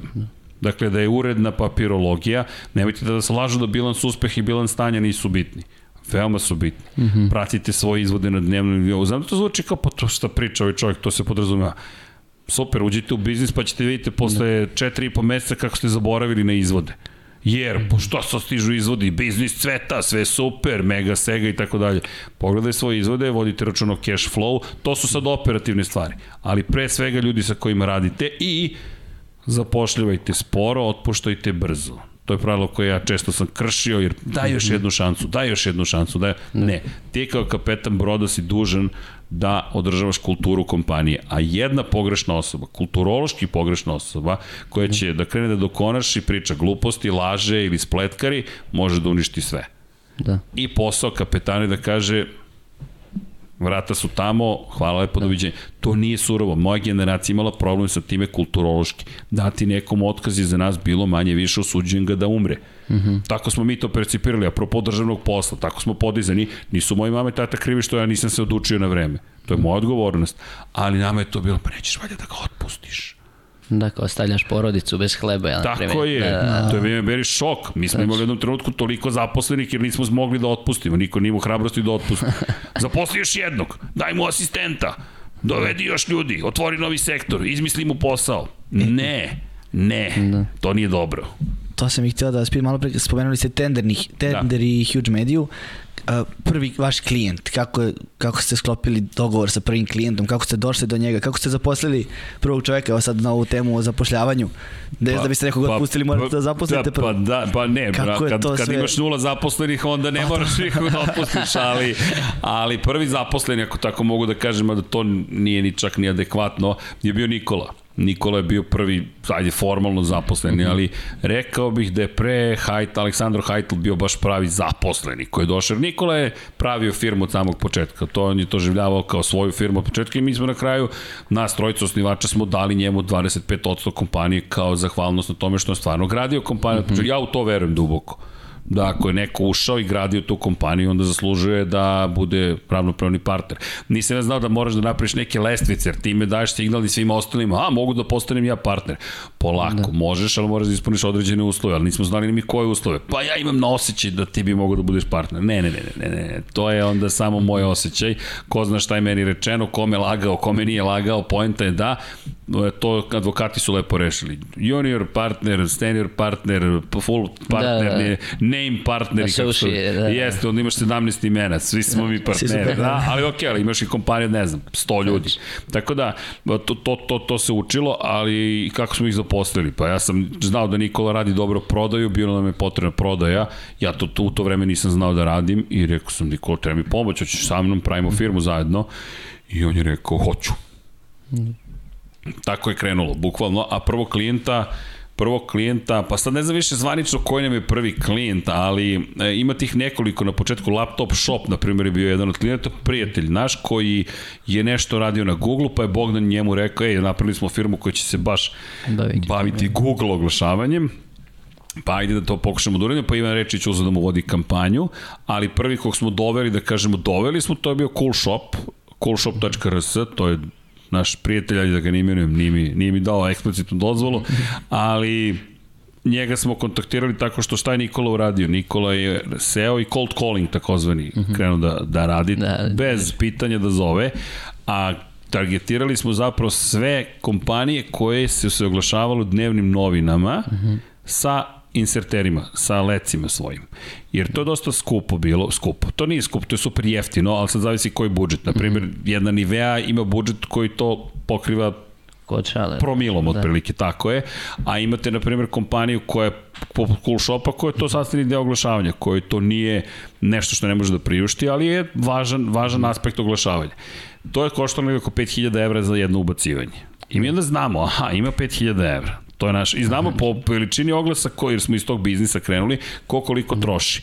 I onda gledaš ko ima koliko novca i koji budžet bi mogao da ima. Sa većim kompanijama je teže jer svaka ima svoju agenciju. Ti sada stupiš u kontakt sa agencijom, moraš se osloniš na svoj imenik koji smo imali, ali nismo hteli da idemo tim putem, jer dok se agencija ugradi, dok se mi ugradimo, dok to stigne do klijenta, a to su mali budžeti za velike klijente, u to vreme bili, izgubljena priča. Onda smo gledali zapravo preduzetnike koji sami vode svoje firme, gde vlasnik odlučuje o budžetu, a ima dovoljno sredstava da zadovolji neke naše potrebe. Smo rekli, ok, ajmo da zovemo Cool Shop. Možemo da pričamo s nekim iz marketinga, javiti se vlasnik i onda me Google oglasi, oglas, šta oglasi, ko, ćemo pričate, zna na Google, a on čovjek napravio shop u tom trenutku i hoće da mu to raste. Ima dve ili tri malo prodaje u Beogradu, mm -hmm. kasnije ih imao pet, ne znam sad koliko ih ima, i mi mu kažemo, ok, poslaćemo ponudu. Koju ponudu? Mi nemamo pojma šta da najavimo. smo izmislili neku ponudu, moraš da pošalje, sad si rekao. I poslali smo mu ponudu i to za ceo mesec. I onda smo shvatili da je toliko nizak budžet, jer smo bili toliko stidljivi samo da dobijemo klijenta, mm -hmm. da nećemo imati nikakav efekt te kampanje, bit će nevidljiv. Da. I onda smo rekli, sedimo Nikola i onda nije ni bitno ko je povukao potez, mm -hmm. ovako, ajmo potrošimo ceo budžet za tipa 3 dana ili 5 dana. Mm -hmm. Ljudi, to je kao pivot tabele, kockate se s ugledom, da. kockate se s kompanijama, ali ubeđeni smo bili u to što smo prodavali to nam je bilo super jer smo prodavali nešto što radi. Mm -hmm. Konkretno su bili Google oglasi, mm -hmm. nije da nam je Google posle ne znam, dao medalju, ali nam je dao partnerstvo, sertifikat, da. kontakte s klijentima, čak smo i bili dva puta njihovi gosti u San Francisco, što je bilo u San Joseu zapravo, to jest u Mountain View, mm -hmm. što je bilo super, ideš, a, zapravo smo mi njihova prodaje, naravno će da razovedu kao goste, samo što smo mi mala deca i kao, yeah! Da, velika čast, onako se, da, priznanje big neko, deal. da. Ne, pa da. da, došao si u Mountain View, Instagram, Sa Joy, Joy Chandler. Desilo se. Pa da, i, i onda smo tako, svašta smo radili, ali činjenice smo odatak krenuli i mi smo čoveku potrošili sve pare za ne znam koliko dana i mi ga zovemo i sad, sad da mu kajem, ja ne znam ko, mislim da je Nikola zvao, i kao, ej, čao, ovaj, vidi, nema više para u budžetu za Google, nismo mu objašnjavali kako je to moguće kad je dogovor bio 30 dana, nego nadaš se da ćeš imati razumnu osobu preko puta, da je kao preduzetnik neko ko ako vidi rezultate će reagovati. I mi smo rekli mi moramo da zaustavimo kampanje pošto nemamo više para za Google, nema budžeta. A tražili smo avansnu uplatu jer nismo imali para na računu da mi pokrijemo račune pa da mu izdamo račun. Pa da, šta, šta da radite? A neće ljudi da daju menicu, kao daju menicu dvojici klinaca koji su ih upravo zvali, a kompanija je osnovana par meseci ranije, kao okej. Okay. Dobro, bar je to bilo na vreme urađeno za 28. avgust 2008. za vernike velika gospojina, pravoslavne vernike, tako da to bilo simpatično i čovjek kaže, ne, nemoj da gasite ništa, dolazim odmah kod vas. On je toliko prodao stvari jer je bio jedini na Google u tom trenutku, da. na te ključne Da, vi reči. ste jedni, možda čak i prvi počeli to da radite na ovim Kao poslovima. agencija prvi. Da. da, prvi, bukvalno i bili smo i prvi partneri, svašta nešto. Smo Mhm. tu radili, bilo ljudi koji su se oglašavali sami, ali planska agencija, digitalna marketinška, HTT Pool je prva, HTT Mhm. Je prva u Srbiji, mi smo prva koja se specijalizovala za Google Baš za- oglašavanje. za ta- Tako tu sferu, da. Tako da rade Tričković, te cijela kompanija koje, koju su napravili zaista nevjerojatan posao, oni su sa deo Sonija na globalnom nivou, Ovation, ne oprosti, ne Ovation, već HTT Pool je bio taj koji je napravio baš veliki iskorak i oni su tad imali zakup banera na svim sajtovima i, to, i, i tako dalje. Tako da su oni baš prva digitalna agencija, a mi smo bili prva specijalizovana za Google. Čak smo i sa njim imali sastanak, to se sad smijemo, rade koji nas je gledao kao konkurenciju. Dobro, kao mnogi su pokušali da nas unište, ali nisu uspeli. Pazite šta radite. Sa, sa, mafijom sastavimo šta je ovo. Ali to je rade. Rade čuveni po tome što je na protestima 90-ih nosi uvek Ferrarijevu zastavu. Elem, i tako smo krenuli i, i pojavio se čovjek koji je odlučivao, vlasnik cool shopa i rekao nikad ovoliko nisam prodavao online Da. Šta radimo dalje? I mi smo onda povećali budžet, on srećan, plaća nas, mi srećni i on kaže ja sad prodajem po celoj Srbiji, a niko ne konta da se to desilo, da se promena već tada desila i da je on sam na tržištu bele tehnike da. za pegle, frižidere, za, za veš mašine, za, za klima uređaje, sve smo reči ključne kupovali i bili prvi na Google. Da. I naša kampanja je bila budi prvi na Google. Jer kad kažeš Google oglasi, Google, da. čemu pričate, ali budi prvi na Google, to su nam i bile vizitke. Prvi na Google, tako, svašta smo radili. Onak, to je bio zabavan moment, gerilski, da. idemo, pravimo neki, prvi, da. nije neki ogroman novac, ali nešto smo napravili, posle je bio ogroman mm -hmm. novac, ali na početku to je bio prvi klijent i drugi je bio PC praktik, na isti mm -hmm. način, isto, isto, isto, leci, čao, može, evo, pare, prodaje se super, vodi i tako dalje, onda, pa hoćete da vam vodimo Facebook oglas, hoćemo Facebook oglas, i tako širiš biznis, u jednom momentu se čak i previše proširiš, pa onda malo moraš skupiš i tako. Sve smo mm -hmm. prošli greške. A jedno pitanje ovako, pošto primijetio sam često kažete, kad kažete klijent, kažete prijatelj i klijent i prijatelj i tako. Da li tu prvo ide prijatelj koji kasnije bude klijent ili klijent koji kasnije bude prijatelj? Pa to su, ne, ne, u našem slučaju su uglavnom bili prvo klijenti. Na početku samo da. čovjek koji je držao laptop shop je bio prijatelj pa je rekao ok, aj radim s vama, sve jedno mi s kim ću da radim. Mm -hmm. To se ponekad dešavalo, ali ne, mnogo više smo ljudi upoznali kroz posao i kroz poslovnu reputaciju koji su, ma sad prijatelji, znate šta, to je, teško je biti prijatelj u biznisu u kom kontekstu, niko od nas nema vremena. To mi je cena ambicije, to mi je cena posla. Da. Mi radimo non stop. Bukvalno non stop radimo, evo Vanja zna, non stop smo, ne znam kad ne radim. E sad, s jedne strane to lepo, uzbudljivo, pa onda imaš sastanke za par, ne, mi smo po celom svetu putovali, ideš u York, ideš u London, ideš ne znam nijak gde ne ideš sve i to ti je jedan zabavan život, a evo me u hotelu, evo me u avionu, a to sam sanjao, strava, sve super. I onda 10 godina kasnije se okreneš i kao čekaj, gde su mi prijatelji? X, Y, Z, G, A, H, s kojima sam slavio slave, rođendane, mm. nije to tužna priča.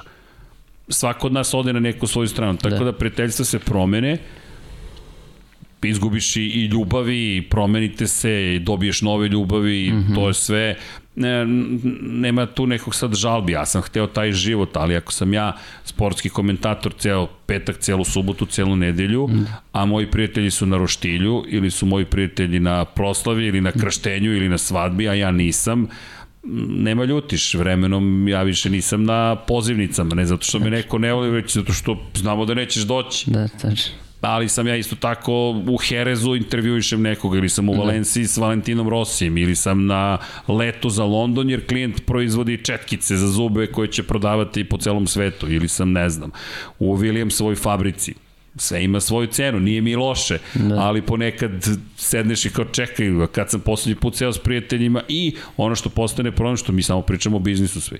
Mi mm -hmm. samo pričamo o biznisu, mi smo navijeni na posao. I onda sedneš i kao, ja, evo, dete mi ispomi zub. E, da ti kažem, izdali smo 7000 tu fakturu. Šta pričaš, ludače, zašto? Ali, da. da. eto, to su malo, to malo se izdeformiše čovjek, pa onda mora da radi na sebi i da se seti, čekaj, život nije biznis. Da. Ali dobro, to je, nekome jeste, mislim, nekome većini, jeste.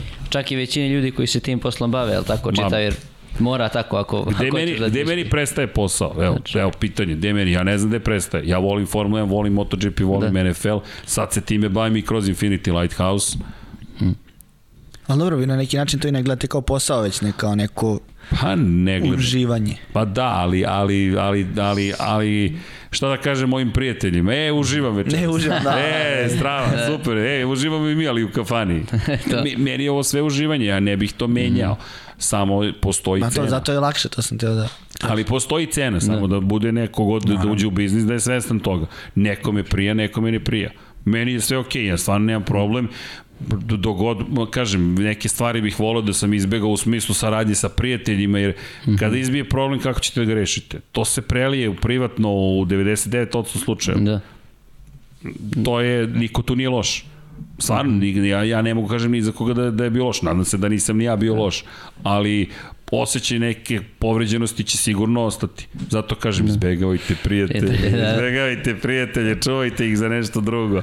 Zabava, kuglanje, igranje igrica, posvađajte se privatno, nemojte poslovno. Da. Ali, ali isto tako da se razumemo samo, apropo ovog pitanja dalje prijatelj, ima situacija kad neko pozove i kaže, ej, ali obično smo najlošiji posao radili kad nas zovu prijatelj, jer to toliko upadnemo u paniku, to je prijatelj, njemu moramo da damo i više nego što znamo. Ne, daj mu taman koliko znaš, to je ono što Da. ti tražio. Tražila, kako god. Prijatelj, prijateljica, to je prosto Da, da, da. u želji da ih ne izneveriš, ih izneveriš. Tu su dvije, ja bih rekao, stvari. Ili je ona kao to što vi kažete, moram da uradim još bolje, ili je, na primjer, ako imam dva klijenta, ajde, ovo mi je drug, kao mogu njega da ostavim, na primjer, sa strane, pa njega malo kasnije. I onda, Pa, to radimo u životu generalno. Aha, e, izvini, dušo, moram da idem na sastanak, ovo je ozbiljan klijent, a ti ćeš me razumeti. e, Zašto bi te ona razumela? Zašto bi te, ako ste devojke su- ili, ili ste s momcima, on, on razumeo? Ne zašto ima ko da vas razume. Ne mora da razume. Može da kaže, prihvatam da razumem, to je izbor neki moj, ali isto tako to nije okej. Ili ja neću više u tome da učestvujem. Evo ruke, cepaj ti svoje, ja ću svoje i sve, sve u redu. Samo da se zna da cena postoji. U jednom trenutku se probudiš i kažeš, čekaj, 25 ljudi sam vidio ovog meseca, ali nisam vidio svoju devojku. Da. Nisam vidio, ne znam, prijatelja. Nisam video kuma. Zašto? Pa, znaš, razumi me, ovo je bio velik klijent, velik posao i tako dalje. Pa da, ali ta cijena nije samo to što vi kažete i za posao, već i to kad si van posla ti misliš o poslu i sve pred spavanje, poslednja misao ti je kako dalje, šta, šta da uradim. Šta, šta me sutra čekaš? Tačno. Ja kako, vi, kako se vi borite sa tim, na primjer? Kako organizujete vreme svoje, pošto a, već smo rekli čime se sve bavite i šta sve radite? pa ima Imate dve neku stvari. tajnu? E, Tajna, tajna Ivan Rečević, moj prijatelj. Šalu na stranu, on mi je rekao, on mi je pomogao što se tiče komentarisanja, jer sam u jednom trenutku rekao, Ivane, ne znam više kad ću stići, bilo šta on kaže, ja da imam tv- tvoju situaciju, ja bih bio najsrećniji čovjek na svetu. Ja gledam, različim, zašto? Daj sad objasni mi, molim te, o čemu pričamo ovde. Kaže, ti tačno znaš gde ćeš biti i kada ćeš biti. Godinu celu unapred. I onda mi je otvorio oči da ja zapravo upravljam svojim vremenom, mm -hmm. ali da bi trebalo da počnem da posmatram stvari drugačije. I onda sam popisao sve trke, sve treninge, sad iCal subscription to završava sama, da nema više da kuckam, i onda pogledam šta mi je ostalo od vremena. Jer ja sigurno ću biti na komentarisanju Formula 1, da. MotoGP-a, za NFL jedino ne znam, ali ove dva sporta, već to je 44 trkačka vikenda koje su pokrivena. Da. Nisu svi ukupno 44 kalendarska, ali ja tačno znam gde ću biti u tom trenutku Da. To je luksuz zapravo, ali ja nisam tako, tako je, ja nisam tako percipirao. Mm -hmm. I shvatio, aha, ako je ovo vreme kada sam zauzet i to podelim sa svima koji me poznaju, mm -hmm. ovo je ostalo vreme kojim nek, nekako mogu da upravljam. Ovo je već kupljeno vreme, prodato vreme, potrošeno vreme, negde u budućnosti to je i fizika, I to završeno, to se desilo. Šta ćemo sa ovim ostalim i onda krenemo odatle. I sad tu je i, i dalje neki put, ja često ispadnem zato što previše stvari želim, ili dođemo u situaciju da neke stvari se ne završe kako ja hoću, to je sad problem s perfekcionizmom, pa onda uskačem da to uradim. E, tu treba vladati sobom, ali u suštini popuniš kalendar, vidiš gde si, to je kao sa računima. Znaš da moraš da platiš račune svakog meseca, što ih ne bih platio odmah. Da. I onda sam platio račune odmah, znam koliko mi je para ostalo do kraja meseca. Znači, I meni je makar to pomoglo i to mi Ivan pomogao. Ja imam sad ovde upisan već kalendar za, za celu godinu. da. Ja znam kad mi je slobodan vikend i- ili kad I nije. dalje slobodan. I, ali to ja znam celu godinu napred. Koliko ljudi može da kaže, znam gde da. sam 17. septembra 2022. Ja znam, u Beogradu, Red Bull Show Run. Da, da, Ja da. tačno znam već sada da ću biti tamo. Ja znam kad mi se završava sezona i znam tačno gde sam. Znam da sam na kraju sezone u Valenciji, jer imam zatvaranje sezone za sport klub, idemo da komentarišemo sa lice mesta. Znam kad je Red Bull ring, bit ćemo na licu mesta na Red Bull ringu. U suštini to postane luksuz, da. jer malo ljudi može sada da kaže, aha, tačno znam, luksuz ima cenu, a to je da ne mogu ja baš da odem na letovanje ili na odmor kad god hoću, ali znam tačno kad mogu. Da. I onda imam tih 11 dana lufta, puta 3, puta 3 puta po 11 i to je to. De, de, that's it, to je to. Tako da to je neki način na koji to radim, hajde da tako kažem, i oslanjam se u mnogom na moju ekipu. Tu je koleginica Irena, evo ga Vanja ovde, bez njih ja nema šanse da završim ovo što radim. Da, i kolektiv igra bitnu ulogu. Ne da igra bitno, nego jedno od najvažnijih uloga. Pa da, da zato da, što čak. da, zato što ja znam da će Paja biti na trkama Formula 1 mm -hmm. uvek, pa onda ok, ako treba nešto za MotoGP, znam da je Paja tamo, Džankić je tu za Moto Grand Prix, mm -hmm. za NFL tu je XY ljudi za 99 yardi. Mi sad ovog vikenda 99 yardi, ja ne znam kako da izvedem. U 5 ujutro počinjem prenose Moto Grand Prix, pa onda završim, pa sam onda u Infinitiju, pa onda idem na sport klub nazad da komentarišem Formulu 1 i onda bi trebalo u 5 ujutro ponovo da nastavim, a u 9 bi trebalo da dođem do 99 yardi. Velike su šanse da ću reći za 99 yardi drugari uh, Kakvi 99 ja? so, sorry, a, Da. a, a, a, a, kako bismo to rekli, a, od penzionisanje Toma Brady-a i sve Da, što da. se događa ovoga vikenda ćete morati da prokomentarišete bez mene. Evo, Vanja, tu Miksa, njih dvojica su govorili, Brady će se vratiti, Brady će se Da. vratiti. Ja sam bio ubeđen da neće, jer često, redko čovjek kaže jedno uradi drugo, ali eto. Tako da eto, da, to, to, to, je, mm, to je neki način da kažem da, da upravljam vremenom, ali isto tako ne mogu da po, ne mogu kažem da sam tu baš najbolji. To kažu ljudi ovo za Brady-a. Kažu prve mjesec dana sa porodicom To, to, to, to, to, to, to, to, to, to. bilo mu je dosta.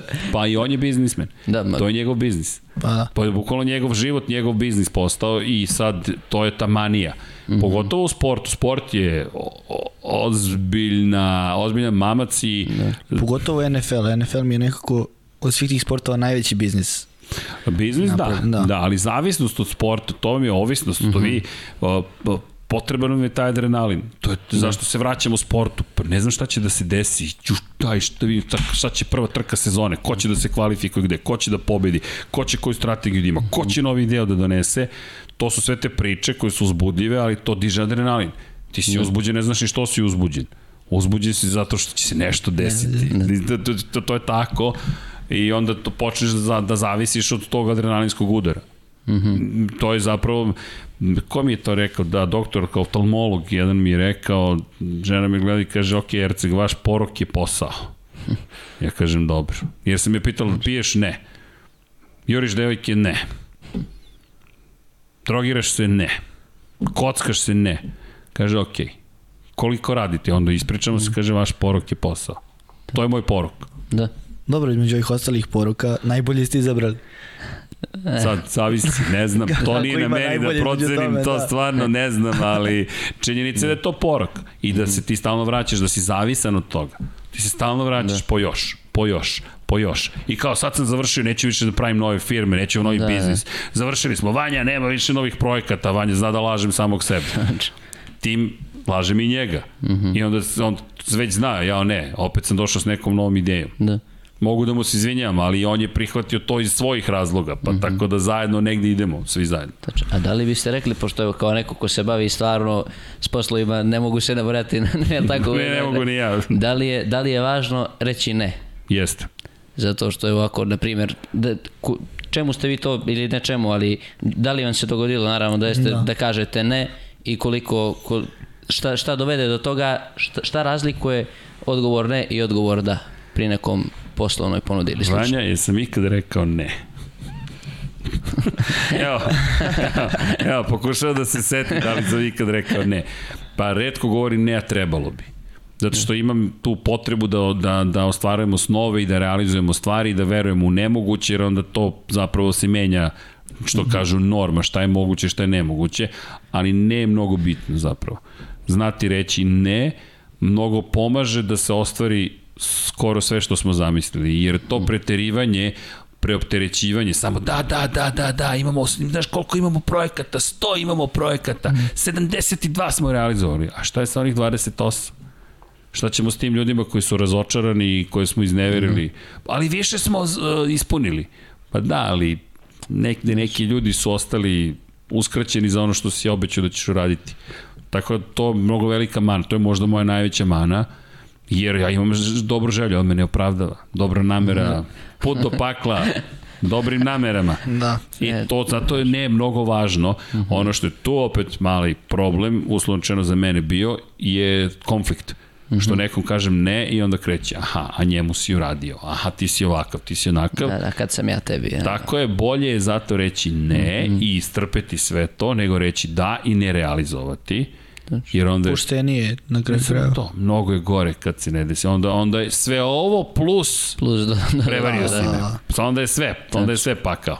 Tako da ne reći je dosta moćno. To je moj brat znao da kažeš mm -hmm. da i ne i njemu je i te kako pomoglo u životu. Da. Njegovo ne je baš, on je odbijao poslove koji su super plaćeni, mm -hmm. jer nisu poslovi koji, u kojima on sebe vidi, niti da. da napreduje kroz njih, niti da su zanimljivi, niti da su nešto što, što bi on želeo da radi uopšte. Mm -hmm. Tako da, moj brat je tu baš dobra inspiracija, ali nikako nisam uspeo da dođem do toga da, da naučim da govorim ne.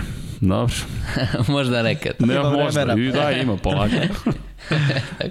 Dok mi izraste nova kosa, pa će onda da se ponovo promeni. E, tako. Imate još neko Dobro. pitanje? Naravno, kako ne. O, ovde odrite, dobro. Samo polako. Vanja, ni, vidi, nisam najgori. Nije, stvarno, zanimljivo je pričati sa vama, može ovo da traje jako dugo. Da, da, Pa dobro, imaš ne 2 može. sata i 15 minuta do Lab 76. Da. Vanje nije baš Vanja, Vanja već makve glavu. to. Da, ovako, evo, pomenuli smo Brady-a i, na primjer, biznis je tu. Da. On ne samo da je biznismen u tom spektru posla, on već ima i svoj Brady brand, na primjer, clothing brand Jeste. koji on čime se bavi i tako, na primjer, to je takođe za marketing, jel tako, on je velika ličnost i mnogo je poznat i prati ga, evo ne znam, na Instagram da uđem, vjerovatno 50 miliona ljudi, lupio sam broj.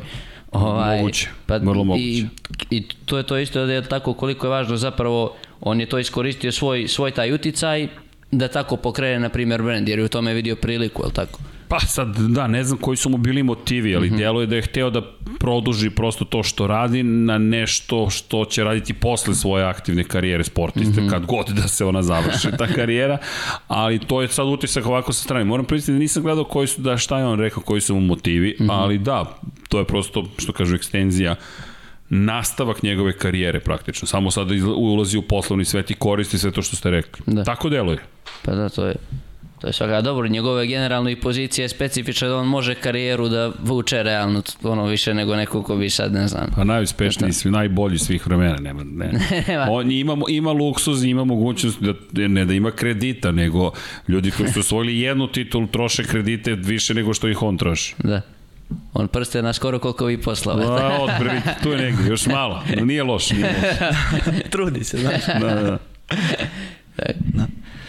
Kad smo pričali o huge mediji, mislim da se vratimo malo na to. Vi ste Naravno. postigli ovaj neki rezultat, došli ste do, proširili ste firmu, po- postali ste da kažemo ime ozbiljno. Koliko je teško da vas e, ne povuče taj neki rezultat koji ste napravili i da ne dođete do nekog perioda kad kažete dobro, kao to je to, ono, imamo koliko nam treba, ne želi, da, da nestane ta želja za napredovanje. Pa- Pošto se realno, generalno dešava ljudima da, da stanu i da jednostavno dođu do nekog nivoa i kao to je to. Pa to je sad, to, to, to je, već smo to spominjali, to je to oko, oko re, da reći ne, fokus, pre svega bih upotrebio kao reč. Kako izbeći sad to? Ne znam, mi nismo baš uspeli da izbegnemo. Naša želja za tim konstantnim napredovanjem je nas odvela do toga da zaborimo core biznis. Mm -hmm. Napravili smo jednu od najvećih grešaka što smo toliko proširili druga neka poslovanja da smo zaboravili core biznis. I onda smo počeli da bivamo ne toliko dobri kao što smo bili u core biznisu i da gubimo klijente. To je najveći udarac kada smo izgubili klijente, što na sujetu, što generalno. I došli smo u situaciju da onda kažemo, aha, čekaj, to je Raiffeisen banka, na primjer, Vesna Merste sponsor, ali eto, mi smo izgubili. Sada, da. bip. Da, ne, da, da, nijedna druga banka, da, ali oni su primjer zato što smo mi, na primjer, bi, to je hubris, što kažu, ili ti arogancija, klasična, Mi smo došli vrlo arogantni, jer smo mi napravili neke super rezultate bili sa njima i imali smo sjajnu saradnju i onda smo došli onako, raskalašni na tender i izgubili. Eto. Dobili smo po labrnji. Bukvalno po nosu smo dobili.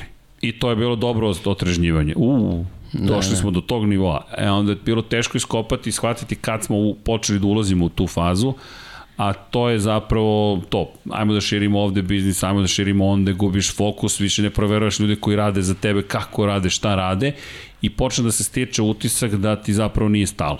Mm -hmm. I da smo mi bogom dani, šta zna se, ko smo mi, ima, znate ko sam ja, to je ta da, glupost, to je baš glupost da. i opasnost, ali to smo isto doživjeli, prošli smo mi tu fazu. Dešava se velikim Velikom broju ljudi, da. Desi se, prosto ne znate kad ste se izgubili i onda kažeš čekaj sebi, čekaj, da. stani, da. ovo je baš bilo sramotno, sram nas bilo. Da. Baš, baš, baš smo sebi rekli sram nas bilo, a onda sedneš i kreneš sam sa sobom da, da rasklapaš šta si loše sklopio i mm -hmm. nije čak ni iz početka teže je, jer ti da. sad moraš da odučiš i sebe i drugi od onoga što mi je postala loša navika. Da. Ali nije nemoguće. Dobro, to je kad se tako reki ego story, ali opet i za to postoji neko pokriće, samo je važno ne, ne poleteti previše. Pa mi smo poleteli, baš je bio Ikarus. Ma jeste, baš, baš. A niko to ne voli generalno. Pa, Te, ja kažem, prepoten, to je već neka prepotencija. Pa jeste, to je prepotencija, a, pa, to, a naša osnova je bila na početku da nismo bili prepotentni. E pa upravo da. to. A postali smo sušta suprotnost samih sebe i naravno da smo počeli da gubimo klijente. Pa promenilo smo to, promenili smo i to vrlo brzo, ali opet ne bismo ni znali da nas neko nije propisno obavestio o tome.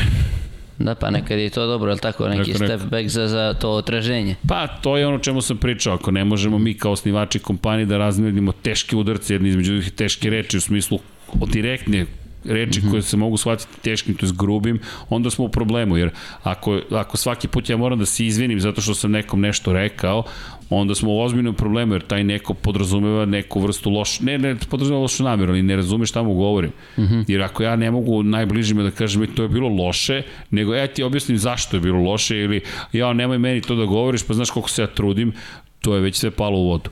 Zato što ne potire to što sam rekao ovo je bilo loše, ono što dobro. To ne znači da podrazumevam dobro, svaka čast za dobro, mm -hmm. ali ovo je bilo veoma loše i opasno je zato što ako se ponovo desi u problemu smo. O, iz mog iskustva mnogo ljudi to svugde u svetu, ali pogotovo na našim prostorima shvata lično. I to je veliki mm. problem. Apropo ovoga Erste što želi da podučava i rečniku i da podučava o tome kako funkcioniše privreda i biznis. To je mnogo važno. Da ljudi shvate da, da bismo... To je ka, zato je sport mnogo dobar. Mm -hmm. Na sportu si ogoljen. Ej, promašio si čist šut. Ej, nisi dobar blok izveo. Ej, zaboravio si akciju. Nema bežanja. Ja, treneru, ti objasnim zašto ja to nisam izveo. Pertla mi se odvezala. Što, kako to vezima sa mnom? Aj ti prijatelju na klupu pa... Daj ti na klupu pa veži pertlu pa da vidiš sad kako je. Ali to je to. Mm. E sad, u biznisu nažalost ne postoji klupa, bilo bi idealno, nisam te otpustio, ali sam te stavio na klupu. Ima to, ima, ima jedan trik, to je odskinete nekoga sa projekta i kažete mu dobijaš platu, ali ne radiš. Kako? Pa ne radiš. I sad, vidjet ćeš kakav je čovek, ako on zadovoljan time, ne treba ti. Jer njemu, on, njemu, nema motivnih osim no. financijskog. To, za mene to nije. Meni takvi ljudi nisu potrebni. To no. sam ja. Jer pogotovo Infinity Lighthouse, hoćeš ti da se posvetiš ovome? Pa kao plaćen sam, plaćen si, ne da budeš posvećen, da završiš svoj posao, ali ako nemaš tu žicu, crtu, potrebu da kažeš čekaj kako mi da unapredimo, šta god, studio, post za social medije, špicu, mm -hmm. potpis, nismo jedni za drugi. Da. Bukvalno nismo jedni za drugi, ali e, iz te perspektive, kažem, zato je mnogo bitno to da mogu da kažem, mm -hmm. ej vidi, to nisi uradio dobro i meni da se kaže, to što ne radiš dobro čoveče, da. i da se ne posvađamo, to je da se ne svede na lično, da. aha, zapamtit ću ti ovo što si uradio, onda smo na konju, uslovno rečeno, ako te stvari da. možemo da postignemo. Mislim da je to mnogo, mnogo, mnogo, mnogo, mnogo, da. mnogo važno. Ako se može to suzbiti, to i do čovjeka da radi na sebi. Evo, ja sebi uzimam za lični primjer, ja stvarno shvatim nešto lično, ali onda trudim se da, da to suzbijam nekako, zato što... I to je u redu, i kad se shvati lično, ne mora odmah da se reaguje. Samo kaže, polako, polako, da polako, prespavaj. Ima, ima jedan dobar trik. Napišete e-mail, ali ne stavite tu Ne stavite nikoga u tu da vam ne mhm. ode slučajno to što ste da. zamislili. Napišete sve što imate da kažete toj osobi, prijatno i neprijatno i lično i mhm. nelično. Onda X, da ode u draft, da. odete na spavanje, ujutru se probudite, otvorite e-mail i kažete dobro je što ovo nisam poslao. Da. Ali sam rekao, Kome? Računaru. Ja sam sa mojim e-mailom podelio sve što sam imao taj, kažem, osobi i onda delete, da vam se ne bi sutra pojavio taj e-mail slučajno, jer to se onda desilo u vašoj glavi.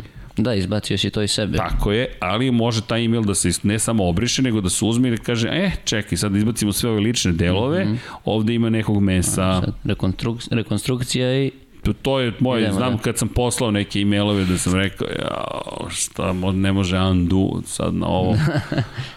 I onda sedneš i kažeš, znam da si, već znaš da si pogrešio. Da, to automatski, kako Ma, već znaš dugme. kako, tako, kako si klikao send, ja, grešim. ne, ne, srđane, ne. Bolje da, sam, da si ga poslao na fake email, da si neki svoj drugi email. Imaš osjećaj, sve sam ti rekao, nikom nisi ništa rekao, poslao si sam sebi i kažeš, yes. A, Da, a da. to uopšte nije šala, to Da, je da, to je. topla preporuka. Nego šta je bilo pitanje? Znam da sam negde obrnuo krug, dođe smo do ovoga, ali odakle smo krenuli mi? A, šta- ne znam, sad otišli smo u priču Otišli skroz. priču, Pričali da, smo da. tako da, o huge mediji Aha, i o tome hubris, kako ostati arogancija. pribran u tim nekim, da, Svaki dan pričati sa sobom. Nisi bitniji nego što si E, bio to. juče, nisi bitniji nego što si bio juče, nisi bitniji. Čovek si u redu je da budeš važan sam sebi, ali nisi bitniji zato što imaš više para, nisi bitniji zato što si se sertifikovao. Nisi bitniji. Ono što je problem takođe uz nisi bitniji vodi računa o ljudima koji počnu da misle da su bitniji. Mhm, da. jer nije samo do sebe. Da, jer često da. se bavimo u biznisu, kao, misli u sebi, introspe, introspekcija je opasna, ali ajde, da ne ulazim u introspekciju, mm -hmm. nego pogled ka sebi, pa kao, čekaj, šta sam ja mogao bolje?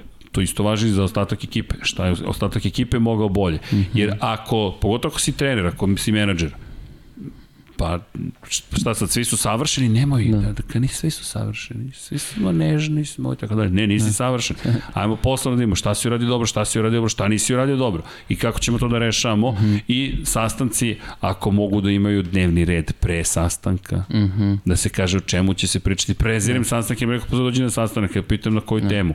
Tačno. Pa ne, daj, dođi da pričamo. Na temu sastanka. Možeš da mi, tako je. A onda ću ja da ti kažem koja je tema. Aha, da. znači ti upravljaš mojim vremenom i mojom pozicijom u ovom razgovoru, tako što ćeš ti meni da kažeš kad ja dođem o čemu ćemo da pričamo. To znači ti si 100% spreman za taj razgovor, ja sam potpuno nespreman, ali ćemo da, ne, nećemo. Ja ne dolazim do te sastanke, kažem, molim ti mi da piše o čemu se radi. Da. Ljudi se masovno bune i ljute, ali to je klasična manipulacija. Mm -hmm možda nisu svesni jer su pogrešno naučeni, to je manipulacija. Sazivaš sastanak, na reci mi koja je tema sastanka. Da, da mogu ja da se pripremim, da izađemo Tako je. jedan i drugi smačevima. Drugo, Kad se... ne samo to, možda nema potrebe za sastanak. Znači, e, isto. Možda nema potrebe da ja sad dolazim preko celog grada da sednem Da. sa tom da bi mi ti rekao nešto što je potpuno nesuvislo i ne vredi ni tvog ni mog vremena, ali volšebno ja dolazim kod tebe, mojih sat i po ekstra je potrošeno. Da. Ne, koja je tema sastanka? To je tema sastanka. Odlično, evo ti odgovori moji već sada, a drugo spremit ću se za tu temu koju si zadao. Ali evo ti moja još jedna tema, zato je dnevni red mnogo bitan. Zato da. kada se skupštine sazivaju, sednice, ima neki dnevni red. O čemu pričamo? Još jedna stvar, ako sastanak traje predugo, pitanje čemu služi, jer onda znači da imamo previše slobodnog vremena, ili to znači da ćemo nadoknađivati duboko u noć, a duboko u noć ništa ništa. Bolje u 9 da legnete da spavate, se probudite u 6 orni, nego da radio sam do 3. A da te pitam, od 1 do 3, koliko si zapravo postigao? Da. Ljudi, možda 2%, ali deluješ sebi, ja kakav sam ja heroj, kako ja kidam sad ovo na ovaj da. Burning the Midnight Oil, to ničemu ne služi. Idemo Instagram, hashtag hustle. da, ne, to ne, ničemu ne služi, to nema nikakvu svrhu, to baš, imao sam par, ne je par, bilo je mnogo situacija da je kao do jutra mora nešto da bude gotovo. Mm -hmm. Ok, all nighter, ali to ujutro mora da bude, ovo mora da bude gotovo ujutro, pa ne. Pa šta, šta da radiš? Ajde, idi spavi malo, odmori taj mozak. I još jedna stvar, sastanak nije sastanak ako nismo se dogovorili koji su dalji koraci. Da. I ko će da odgovara za dalje korak ili ih sprovede u delo. Nego imamo neke dalje korake. Nas sad ovde je sedam, ali ko će da radi, nemamo pojma. Da, i sve jasno definisati dalje. Da, da zvuči je. dosadno, ali nije. Da, da, da, ne, to je. Šta je sledeće pitanje? Dohvatili smo sve, da ih ima. sve te, nema ih što je najgore, ne mi ovako sad. Mi više volimo kroz, da... Kroz Aha, razgovor, časkamo, pa da. dobro. Ili ima publika neka pitanja?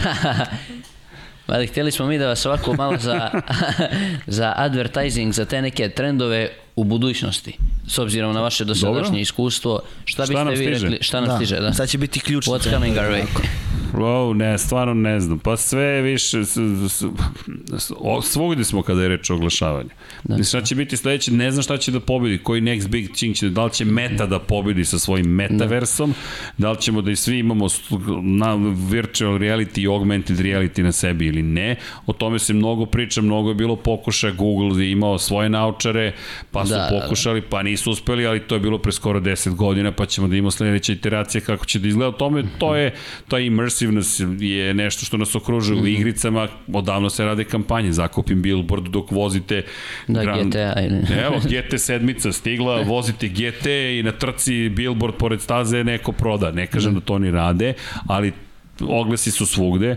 Šta vidim? Pa i dalje je video veoma interesantan. Video, mm -hmm. svi smo sada proizvođači sadržaja, to se tako Podcasti, zove, kreatori. Sad, sad, kod nas malo tako. sporije nego u svetu, tako mi se čini. Pa sve je tako. Sve, da, mislim, prosto tako. Ništa novo, da, ali ovaj, raste ta tražnja za podcastima kod nas. Raste, pa, Traž, da. I tražnja i supply i demand. I supply i demand. Ovo je stručno nešto naše. Da, da. Ali dobro, to je normalno, to je uvek ista priča. Prošli smo mi kroz mnoge trendove. Mm -hmm. I uvek je ista. Ljudi, u starom Rimu je bilo tako. I to se istorija se ponavlja i ponavlja i da. ponavlja. Ne znam da li znate, ali vi u Heraklionu i u Pompeji imate grafite koji su isti kao i danas. Ma bukvalno imate uvrede na ličnom nivou. Spavao sam ti sa ženom, taj, taj. Ne, ozme, to je grafit, razumete? To je grafit. Mi govorimo o vremenu od pre hiljada i po godina. Da. Neko je ostavio isti grafit kao i neko ko danas crta po zidu. Kao grafiti su umetnost 20. veka. Ne, ne nisu. nisu da. Ne, nisu. Zato su Pompeji i Heriklin toliko bitni za zapadnu civilizaciju jer su sačuvani, gotovo netaknuti. I da. imate jasnu situaciju, jer mi znamo živote vladara kroz istoriju, ali mi ne znamo živote običnih ljudi. Da. To je Zenon Kosidovski lepo pisao. I vi onda tu možete da vidite kako je običan čovek živeo. Mm -hmm. Dosta slična je situacija. Pijaca, da. priče o stvarima koje bi danas, ja ne, to se sad tek događa. Ma, da, da li? Tačno. Da li? I onda da. dođemo na tu priču opet koliko su se stvari ponavljali i ponavljali i danas se ponavljaju. Tako da, ne znam, apropo toga gde ćemo sutra mi da se oglašavamo ili da radimo, ko zna šta će da pobedi, ali što se tiče videa, pa onda supply demand, mm -hmm. kako ide priča? Dođe neko na ideju da snimi podcast, pa onda neko kaže, u, ovo je super, ili mm -hmm. misli da je super, ili misli da to ima puno pare, onda krene da radi. Ne. Da. I onda odjednom imate gro ljudi koji rade nešto, ne. Da. ali vreme je test. Tačno. I onda gledaš ko će, ko samo prestaje da snima, prestaje da snima, ko se ponovo pojavi pa mhm. nestane, pa ko se pojavi nov potpuno pa nestane, a ko i dalje snima i snima. Kako se osvajaju šampionske titule? Ko osvaja? Onaj ko je trajno tu. Da, ko je konstantan, da. Kontinuitet, da. Kontinuitet, konstantnost, da, da, da. kako god, konzistentnost, to su vrline šampiona. Znamo puno izraza na K. da, da, tako, tako, tako, tako je. Ali činjenice da su to šampioni. Da. Ima, ima ljudi koji osvoje jednu titulu, na primjer, jednom, o, desi se, ali zašto je, ne znam, LeBron James velik, zašto da. je Michael Jordan velik? To se nije desilo jednom.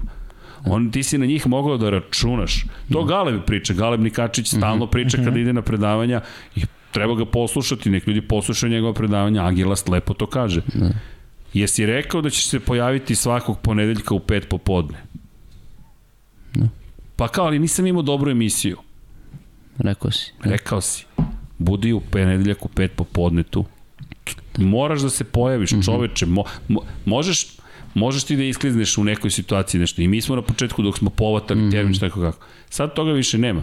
Jesi rekao utorak u 9 Formula 1? Jesam. Jesi rekao sreda u 9 da. MotoGP? Jesam. Da, ne možeš, nađi način da... Nađi način. Da.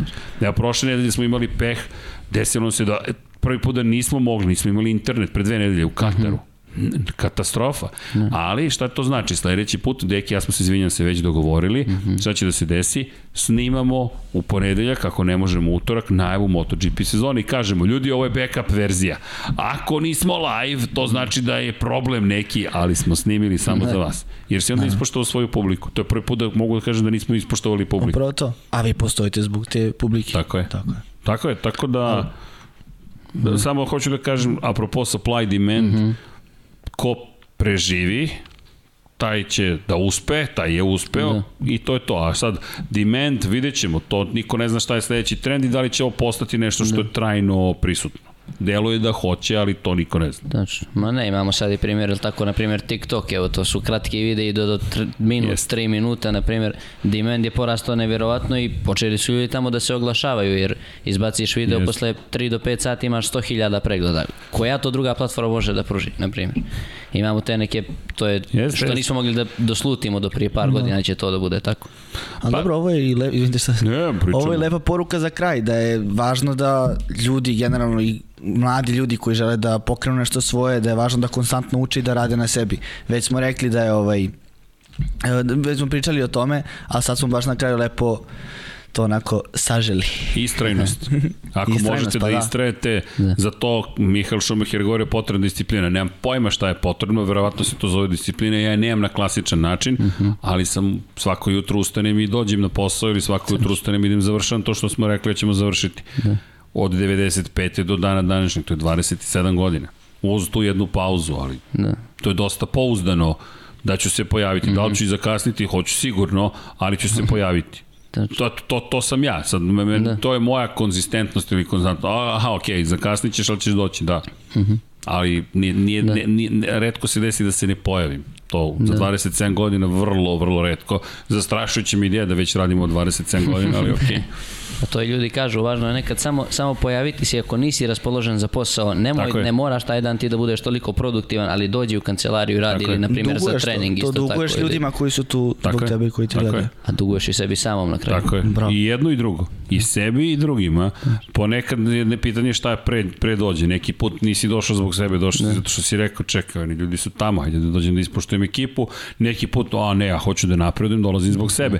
Ali si opet podržao tu ekipu Da. i obrnuto time što si došao da podržiš ekipu, si podržao sebe. Tako je. Krug. To je to, jes. Pitanje neko da... Evo, iz publike. Ajde. E, možete da kažete nešto o vašim kampanjama Frikomanija i Webfest? O Afrikomaniji da kažemo nešto i kampanji i Webfest. Pa mogu. Mogu, to su baš konkretni primjeri. Da, Frikomanija, pa to nam je jedan od većih uspeha zapravo u karijeri iz milion razloga. Zato što smo, Ivan Rečević konkretno smislio ludu ideju, da to je 2010. On je 9. već počeo da dolazi na tu ideju. Samo kao kratak uvod, to mi kao i umetnost u životu, zašto je neko umetničko delo bitno? Zato što i u određenom vremensku trenutku se nešto desilo. Da. I, na primjer, meni to čujem pričati, na primjer, tri gracije Picassove. Mm -hmm.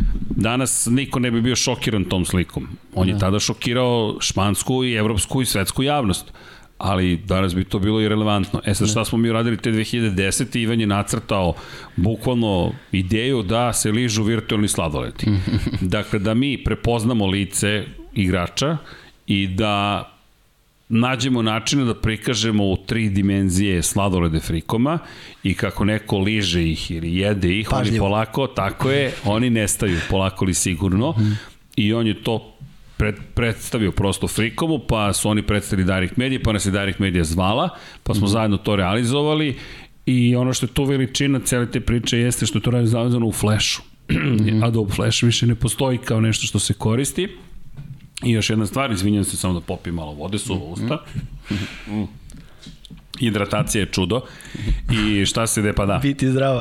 Tako je.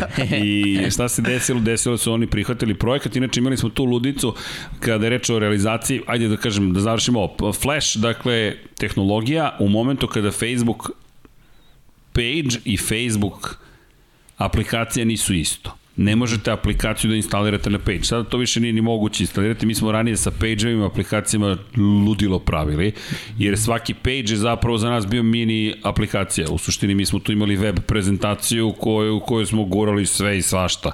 Od baza podataka, fleševa, preko HTML, ne, ni petice još ni bila stigla. Ne znam šta sve nismo gurali i to je bilo super. To su bile ozbiljne. Mi smo govorili ljudima, ej, zaboravite web sajtove, Facebook će da pobedi.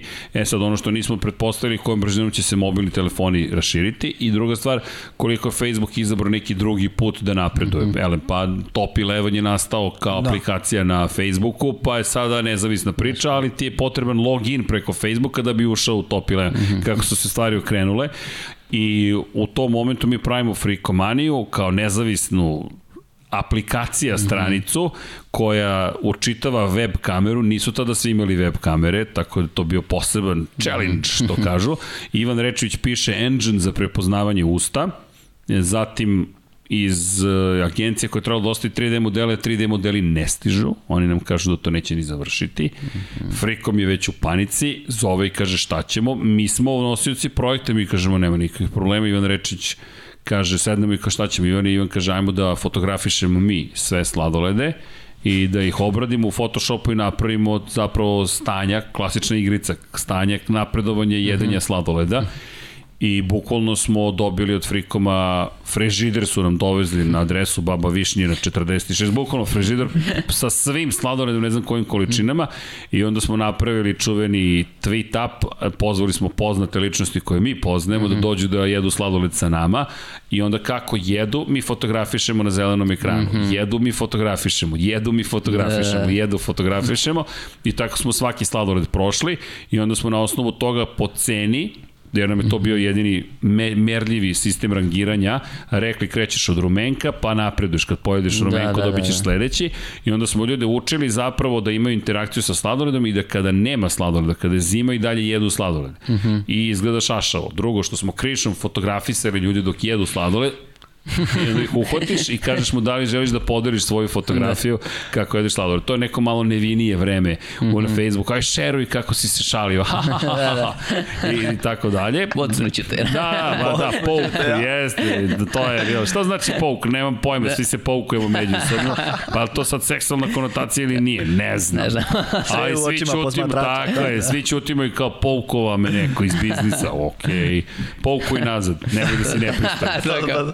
Da, da, čuvena priča, pa da. I onda smo napravili Frikomani, to je baš bio veliki uspeh i imali smo i lepu prezentaciju. Tad je ekipa iz Niša pravila razne skupove, to je bio to je bilo baš zabavno. Tako da smo preko toga onda dobili Limundo kao klijenta, mm -hmm. pa je Smoki radio Čoko. Inače, tu smo baš se igrali lepo. Pravili smo marketiške aplikacije, crtanje grafita smo pravili, svašta nešto se tu događa. To je nešto u čemu smo uživali jer smo nekako spojili gaming sa marketingom, što je lepo nama bilo. I s druge strane smo imali situaciju da da kada je ta aplikacija završena, to postane offline event, pa je bio below the line događaj ceo, pa smo dobili nagradu u Zagrebu, Da, to je bilo, to je bilo baš zabavno kad smo dobili nagradu. To je bio lep moment, to je to kad prođe 10 i više godina. Ne. I desilo se da, da kada je reč o Webfestu, pa Webfest je zapravo Čedo bio ekipa iz Agene. To su Milena, Kika i Bogdan napravili još 2007. godine i preponosan sam što sam kasnije učestvovao u Webfestu.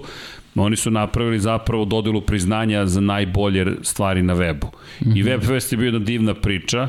Oni su od Nis Petrola dobili lep budžet da to naprave u Jugoslovenskom dramskom pozorištu. To bi trebalo da bude web Oscar zapravo. Mm -hmm. Bukvalno regionalni web Oscar, da se obučeš lepo, dođeš na crveni tepih, privučemo veliki broj medija i da se fotografišu ljudi koji nemaju priznanja. Ne novčana nagrada, priznanja. Da. Postoji velika razlika Naravno. i da dobiješ statuetu Messinganu s mermernom da. postoljem koju držiš u svojoj kancelariji i ponosno kažeš, ej, ja da. sam dobio Webfest nagradu, dobio to je priznanje. Da, da, da. To znači da su- to znači kao i akademija dakle koja dodeljuje Oscar mi imamo akademiju, web akademiju da. koja dodeljuje tebi Webfest. Da. I ceo region stoji za toga i mi kažemo vaš web sajt, aplikacija, šta god je na tom nivou. Sada se dele priznanja i to je prelepo što se dešava, ali niko nije uradio ono što je Webfest uradio. To odgovorno tvrdim, slobodno može da me pozove kogod da organizuje, šta god da organizuje, slobodno je adresu, svi znaju, niko to nije napravio, jer smo mi napravili ne ja, to su njih troje pokrenuli, posle su se mi priključili jedan veliki show zapravo, mm -hmm. i to jeste bila poenta, da se ljudi naviknu na svetla reflektora i da počnu da uče da je biznis takođe show. Mm -hmm. Šta to znači? To znači da nije dovoljno samo si uradio dobar biznis, već da moraš i da svoj esnaf podržavaš. Ideja je takođe bila da se stvore jake veze esnafske. Dakle, šta to znači? Da poštujemo to što radimo i da postoji neki, neka samoregulativa u okviru industrije, a da je ovo naše veliko mesto okupljanja na kraju godine. Da. Malo zvuči elitistički, možda i jeste, ali tu se mi kao web ekipa skupljamo, da a mediji su tu da kažu, ej, ovo su neki ljudi koji nešto vrede. Jer, to je šta je preče, koka ili jaje. Ako ti medijima kažeš ovo je bitno, da. mi smo bitni, a daćemo vam spektakl sa dobrim osvetljenjem, sa poznatim ličnostima, sa sjajnim koreografijom, mm. sa dodelom priznanja koje je upečatljivo, mm. onda ti to nešto treba da pomogne da se sve to razvije. A onda će neko da kaže, aha, taj web, pa možda tu nešto se događa. Tačno ajde da investiram u taj web, a u krajnjem slučaju investirat ću -hmm. samo da bih dobio priznanje. Znači. Jer mnogo kampanja se radi za kanskog lava, -hmm. samo zato da bih ti odobio kanskog lava i da. rekao ja imam kanskog lava. Samim tim to treba pozitivno da utiče na industriju, mm -hmm. jer kao sve ovo konvencija, civilizacija izmišljena stvar, ovo neprirodno, sve je neprirodno što mi danas radimo, oblačenje, mikrofoni, sve to neprirodno, ali to je ljudska civilizacija samim tim za nas je ok, jer smo mi predstavnici te civilizacije. Da, da, da li imamo odgovornost prema planeti? Imamo, jer ako uništimo, bye bye, to je to, ne, nije bitno više da li imam mikrofon, da li imam računar, da li imam telefon, ali poenta jeste bila da kad već živimo u toj konvenciji, koja kaže kada je crveno zaustavi automobil, mm -hmm. da napravimo priču u kojoj neko kaže, e, ovaj web je nešto bitno. Da, da, da. I onda imaš i zvezde na webu, Jer tako se stvaraju zvezde. Mm -hmm. Eto, da, to je. Jest. Date je... Fest, hvala za pitanje. To, to, to je bilo super. Mm -hmm. I onda smo se spojili sa Medomenom, crnogorskim, mm -hmm. i pravili jednu lepu, prelepu konferenciju zajedno sa njima. To je sada spark.me. Mm -hmm. Lepa je konferencija, lepo je da odeš za vikend, sad sobotu, nedelju, to je bila ideja, ajmo u Budvi da pravimo, svi će da se da. skupe u Budvu i tako. To, to je važno, to je važno najviše, na primjer, kod toga izgraditi taj brend, izgraditi to da ta Jeste. titula, da taj, odnosno, nagrada nešto vrijedi ljudima, da, da se neko trudi tako da je. dobije tu nagradu i da je na nju ponosan, tako? tako? Je. Pa ono gde mi nismo uspeli, gde smo stali zapravo je bilo u tome što uh, smo zapravo bili suviše skromni u kontekstu toga koliko to vrednujemo finansijski iz perspektive sponzora, mm -hmm. jer nismo tražili previše para, jer smo hteli da to po svaku cenu živi. To je ogromna greška, jer su onda sponzori smatrali da to ne vredi. Ne, tražite mnogo para, lakše je da ih oborite, da nađete neku cenu, nego kažete, pa da je 200-300 evra. Ne, ne, ne, mi na primjer za podcaste mm -hmm. naše nećemo ošte prihvatamo neke cene koje su ispod onoga što smo mi definisali. Ne. I ako je to 10 puta veće od tržišne vrednosti, onda tržišna vrednost nije dobro definisana. Ne. To, to je moje mišljenje. Pa. I šta ćete da radite? Odbijat ćemo dokle god možemo. Zašto? Zato što nećemo da oborimo cenu. Jer ako se takmičimo samo cenom, uvek će biti neko jeftiniji. Znači, uvek će ne. biti neko jeftiniji. Ja to neću. I mi dodržimo do toga i kad dođe sponzor mi kažemo to je naša vrednost. Mi ovo liko vredimo. Kome? Sebi. Da. Ne morate da nas kupujete. Svetionik je ovde. Vi dođite ako hoćete da ovde ostavite reklamu, to ona košta toliko. Pa i drugi naplaćuju manje. Idite kod drugih. Tačno. Lep provod. I dalje ste dobrodošli ovde. Mi, mi nemamo problem, dođite, gledajte, sedite za kauč, družite se s nama, ali nećete dobiti reklamu. Znate koliko vredite? Tam, mi verujemo da znamo. To, I tu je bila greška, ali to smo se opekli, mm -hmm. jer šta se onda događalo? Onda mi sponzorišemo sami sve to, a paralelno dok organizujemo Webfest, što je ogromna organizacija, mi tri meseca nam kompanija stoji. Aha. I onda huge pada, pa se podigne, mm -hmm. pa padne, pa se podigne za svaki Webfest. I tu smo odustali, i žao mi je što smo odustali, sada bih znao da organizujem stvari drugačije, ali da nije bilo tog iskustva, ne znam da li bih sad znao. I sada i moji partneri koji su zapravo sve nosili, ja nisam nosio Webfest, mm -hmm. samo bio lice koje se pojavljuje, to je Igor, Nikola, Maja, oni su sve to nosili, Igor je sada, ne znam ja više gde, mislim da je u LinkedInu, Maja je u Agrokoru, Nikola je u HTT Pulu, oni su vukli taj projekat. Mm -hmm. Ja sam to bio figura, ali da sam znao kako da im pomognem, Webfest bi dan danas živeo. Tako da to mi je, to mi je žal istovremeno, ali mislim da smo uradili nešto mnogo lepo. Mi smo ga, kažem, nasledili od, od Bogdana i, i, i zapravo Kiki i, mm -hmm. i stade mi mozak u celoj priči ko je sve učestvovao, ali Milena koja je inače bila prvo lice za Google je takođe bila tu mnogo bitna. To je rekao sa drugo vreme, ona je sad, ne znam da li je više u Jandeksu, negde u Istanbulu, ali pozdravi za Milenu ako ikada bude slušala. Tako da da, to je neka ozbiljna ekipa i bilo je tu mnogo dobrih ljudi I tako, spomenuo bih i naše kolegu Miloja Sekulića koji je bio mnogo ponosan na, na Webfest nagrade, nažalost nije više sa nama, ali Milo je isto ostavio jedan dubog trag i znam da je to bilo, jer on došao iz sveta offline-a i da je njemu mnogo značila online nagrada i onda smo rekli ok, o, nešto smo postigli. Da, kad tako. njemu znači kako je onda tek... Pa da, neko... to je bilo razmišljanje. Da, a ovako, postaviti još jedno pitanje. Jo, još jedno. Još jedan. Imate neku žalost za ovim webfestom, kako se to završilo i da li u svojoj karijeri žalite za možda još nečem, još nekom propuštenom prilikom? Da li imam žal za web festu? E, Ne, rekli ste da imate žalost za webfestom, Da. ovoga kako se ispalo. Da, da. Aha, da li imam iz perspektive preduzetnika neki žal?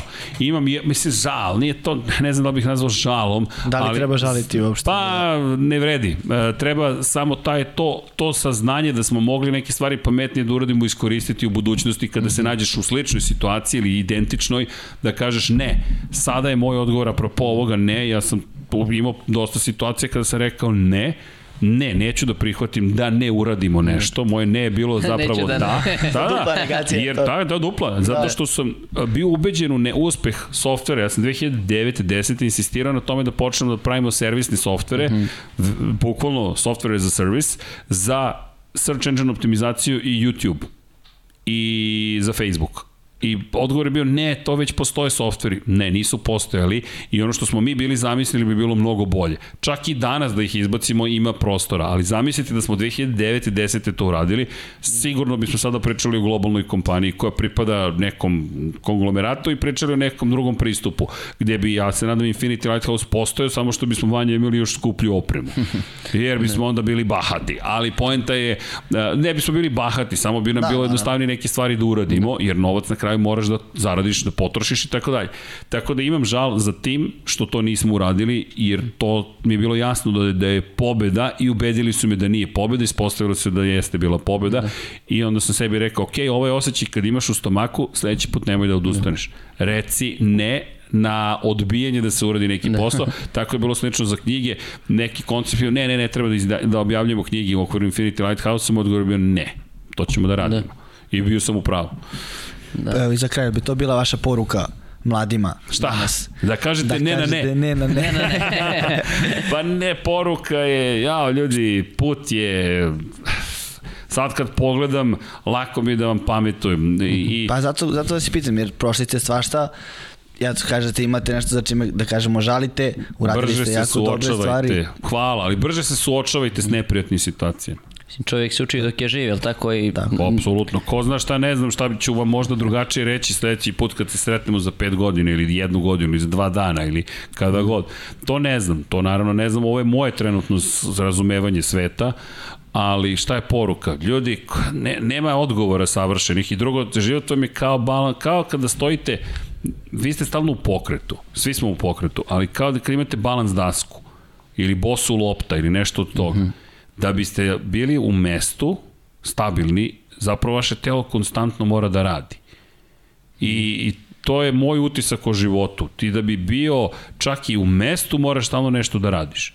Mi sad kad stanemo mirno ovde, planeta Zemlja rotira, okrugla je, vrti se oko sunca. Da li je? Ne, je, da, to, to, to, to, pa je, da, jeste, to je neverovatno. Pa je. Inače, to je isto zabavno, me mlad mesec, na severnoj polulopti, u slovu oblika D, latinicom. Da. Odete do ekvatora, to sam sad, sad, sad tek sad shvatio zašto mi to ranije nije bilo jasno. Bio sam u Južnoj Americi često i onda je u obliku slova C mladi mesec. Da. I onda, na primjer, sam se uvijek pitao zašto u islamskim zemljama, u arapskim zemljama stoji polumesec ovako. Aha, da, I, da. I nikad mi nije bilo jasno. Znaš zašto su to Da, promenili? Ne, oni ga tako vide. Da. Jer što si bliži ekvatoru, on će tako On da izgleda. tako da se više- I onda ovako stojim, sad sam prvi put išao Dubaj, Katar i tako dalje i gledam mesec i razmišljam, bože srđane, kako ti to nije palo na pamet?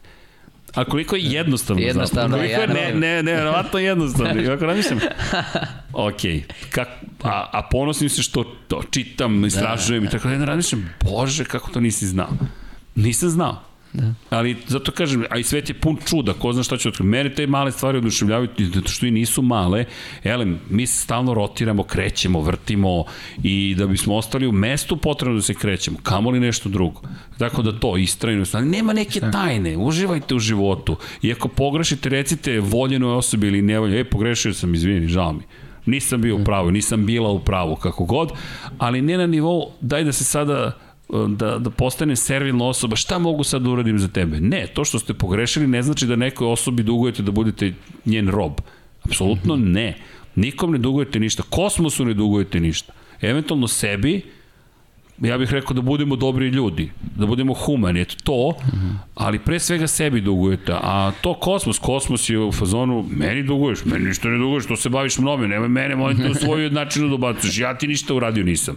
Nego uživaj u životu, pokušaj da budeš što srećniji nekako i ako možeš da ne napakostiš drugima da bi ostvario svoju sreću, to bi nekako bio ideal, ali stvarno je to moguće. Da li ima pokvarnih ljudi? Apsolutno ima ih koliko hoćete. Ne verujte Hollywoodu sada, ovo je nova verzija Hollywooda u kojoj su svi zli zapravo dobri, samo su neshvaćeni. Ne, oni su Ne, zli. oni su zli, bre. Tako je, jednostavno oni su zli, ništa drugo od toga. Sad samo čekam kad ćemo da shvatimo da Darth Vader zapravo bio mala maca i da je sve one ljude koje je pobijao slučajno učinio. Trauma iz djetinjstva. Da, da, me, pa tako su ga prikazali na kraju. Ne, Da. ima zlih ljudi koji uživaju u haosu, u ubistvima.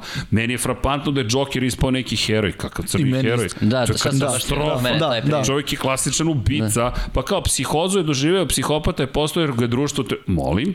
Da. Pa šta to znači? Uh, antilopa u Africi treba ideti kod psihijatra jer ili lavovi. E, Šta pričate ljudi? Da, ne, ne, okolnosti nisu zgodne, teške su, ali ne opravdava ubistvo. Da. Ne može nikada da opravda ubistvo i to je katastrofa. Kao ne kao to oslobađanje društva. Od čega? Od moralne odgovornosti. To možda, ali ga ne čini ni žrtvom ni dobrim. Samo jedan klasičan masovni ubica koji je odjednom opran i sve kriminalci, svi... Evo, ja se izvinjam, ako neko spoiler alert, nemojte da slušate ako Da, niste da, da. gledali Homecoming uh, Spider-Man. Svi. Da. Pa na kraju samo jeste gledali? Jesmo, jeste gledali? Jeste gledali? Jeste gledali? Jeste Ko nije, nek začepi uši. Dobro. Da, ko nije 5 minuta rent. Ali bukvalno. I odjednom svi oni loši ljudi su a, neshvaćeni. Samo Da, da, da. je jedan loš u celoj priči. Stvarno? I onda decu uče čemu? Kada te sutra neko bude pretukao, polomio ti ruku, pokrao, ti pokušaj da ga urazumiš i da mu kažeš ka, zašto si tako loš? Ne, zaštiti se, vodi računa o sebi. Odlomi ruku sad. Pa ne, pa ne, pa suludo je. Jer ja to, to, to ne mogu da shvatim. Tako da, da, bit će loših ljudi u vašem životu, zaštitite se, vodite računa ko vas stvarno voli, ne verujte ljudima na ono što kažu, nego šta rade. To su jednostavne to je stvari. Gledajte šta rade, a ne šta su rekli. Dela, ne reči. Tako je. Jer reči, to svi možemo svašta kažemo. Šta si ti uradio? I isto važi i za biznis. Jo, znaš koliko ja radim, znaš kako sam ja super, ja sam vredan, neviđeno. Nego ti za šest meseci dva projekta realizovao. Pa joj, da ti objasnim okolnosti koje su dovele do toga da se to de... E, ne, ajde nemoj, molim te. Znači, vredniša, sve smo se razumeli. I ubeđivaće vas da niste u pravu. Da. Ali samo recite ne. samo recite ne. I no Da, ne. means no. Da. Tako. To bi bilo to, hvala vam puno. Nema, Velika nam je čast čemu. bila, stvarno. Moja je čast, velika. Ja bih vam se zahvalio, naravno, i nadam se da smo mi opravdali nekako Maš očekivanje. kako za će ljudi, vi Nije ste, bilo očekivanja. vi ste super, vi ste izašli u javnost, vi ste rekli, ej, mi idemo s ovim i krenut ćemo i niste ovo, jeste ovo radili ikad ranije? Nikad. Prvi put, sad. Evo, aplauz s moje strane. Hvala. Ljudi, Hvala A, veliko. hvala, I vi ste nas podržali u tome i sa što ste nam omogućili ove uslove i Da, sve. još jednom i za to veliko vam hvala. Biće nam- i- Stvarno vam hvala. Biće na zadovoljstvo. Samo što, imam ideju, moramo da obučimo nekoga iz ekipe da radi realizaciju. U suprotnom, Vanja će da uvene zajedno sa mnom, a to bi bilo dobro da podelimo znanje. Jel može? Može, naravno. Može. Vanja, jesi zadovoljan mojim menadžmentom?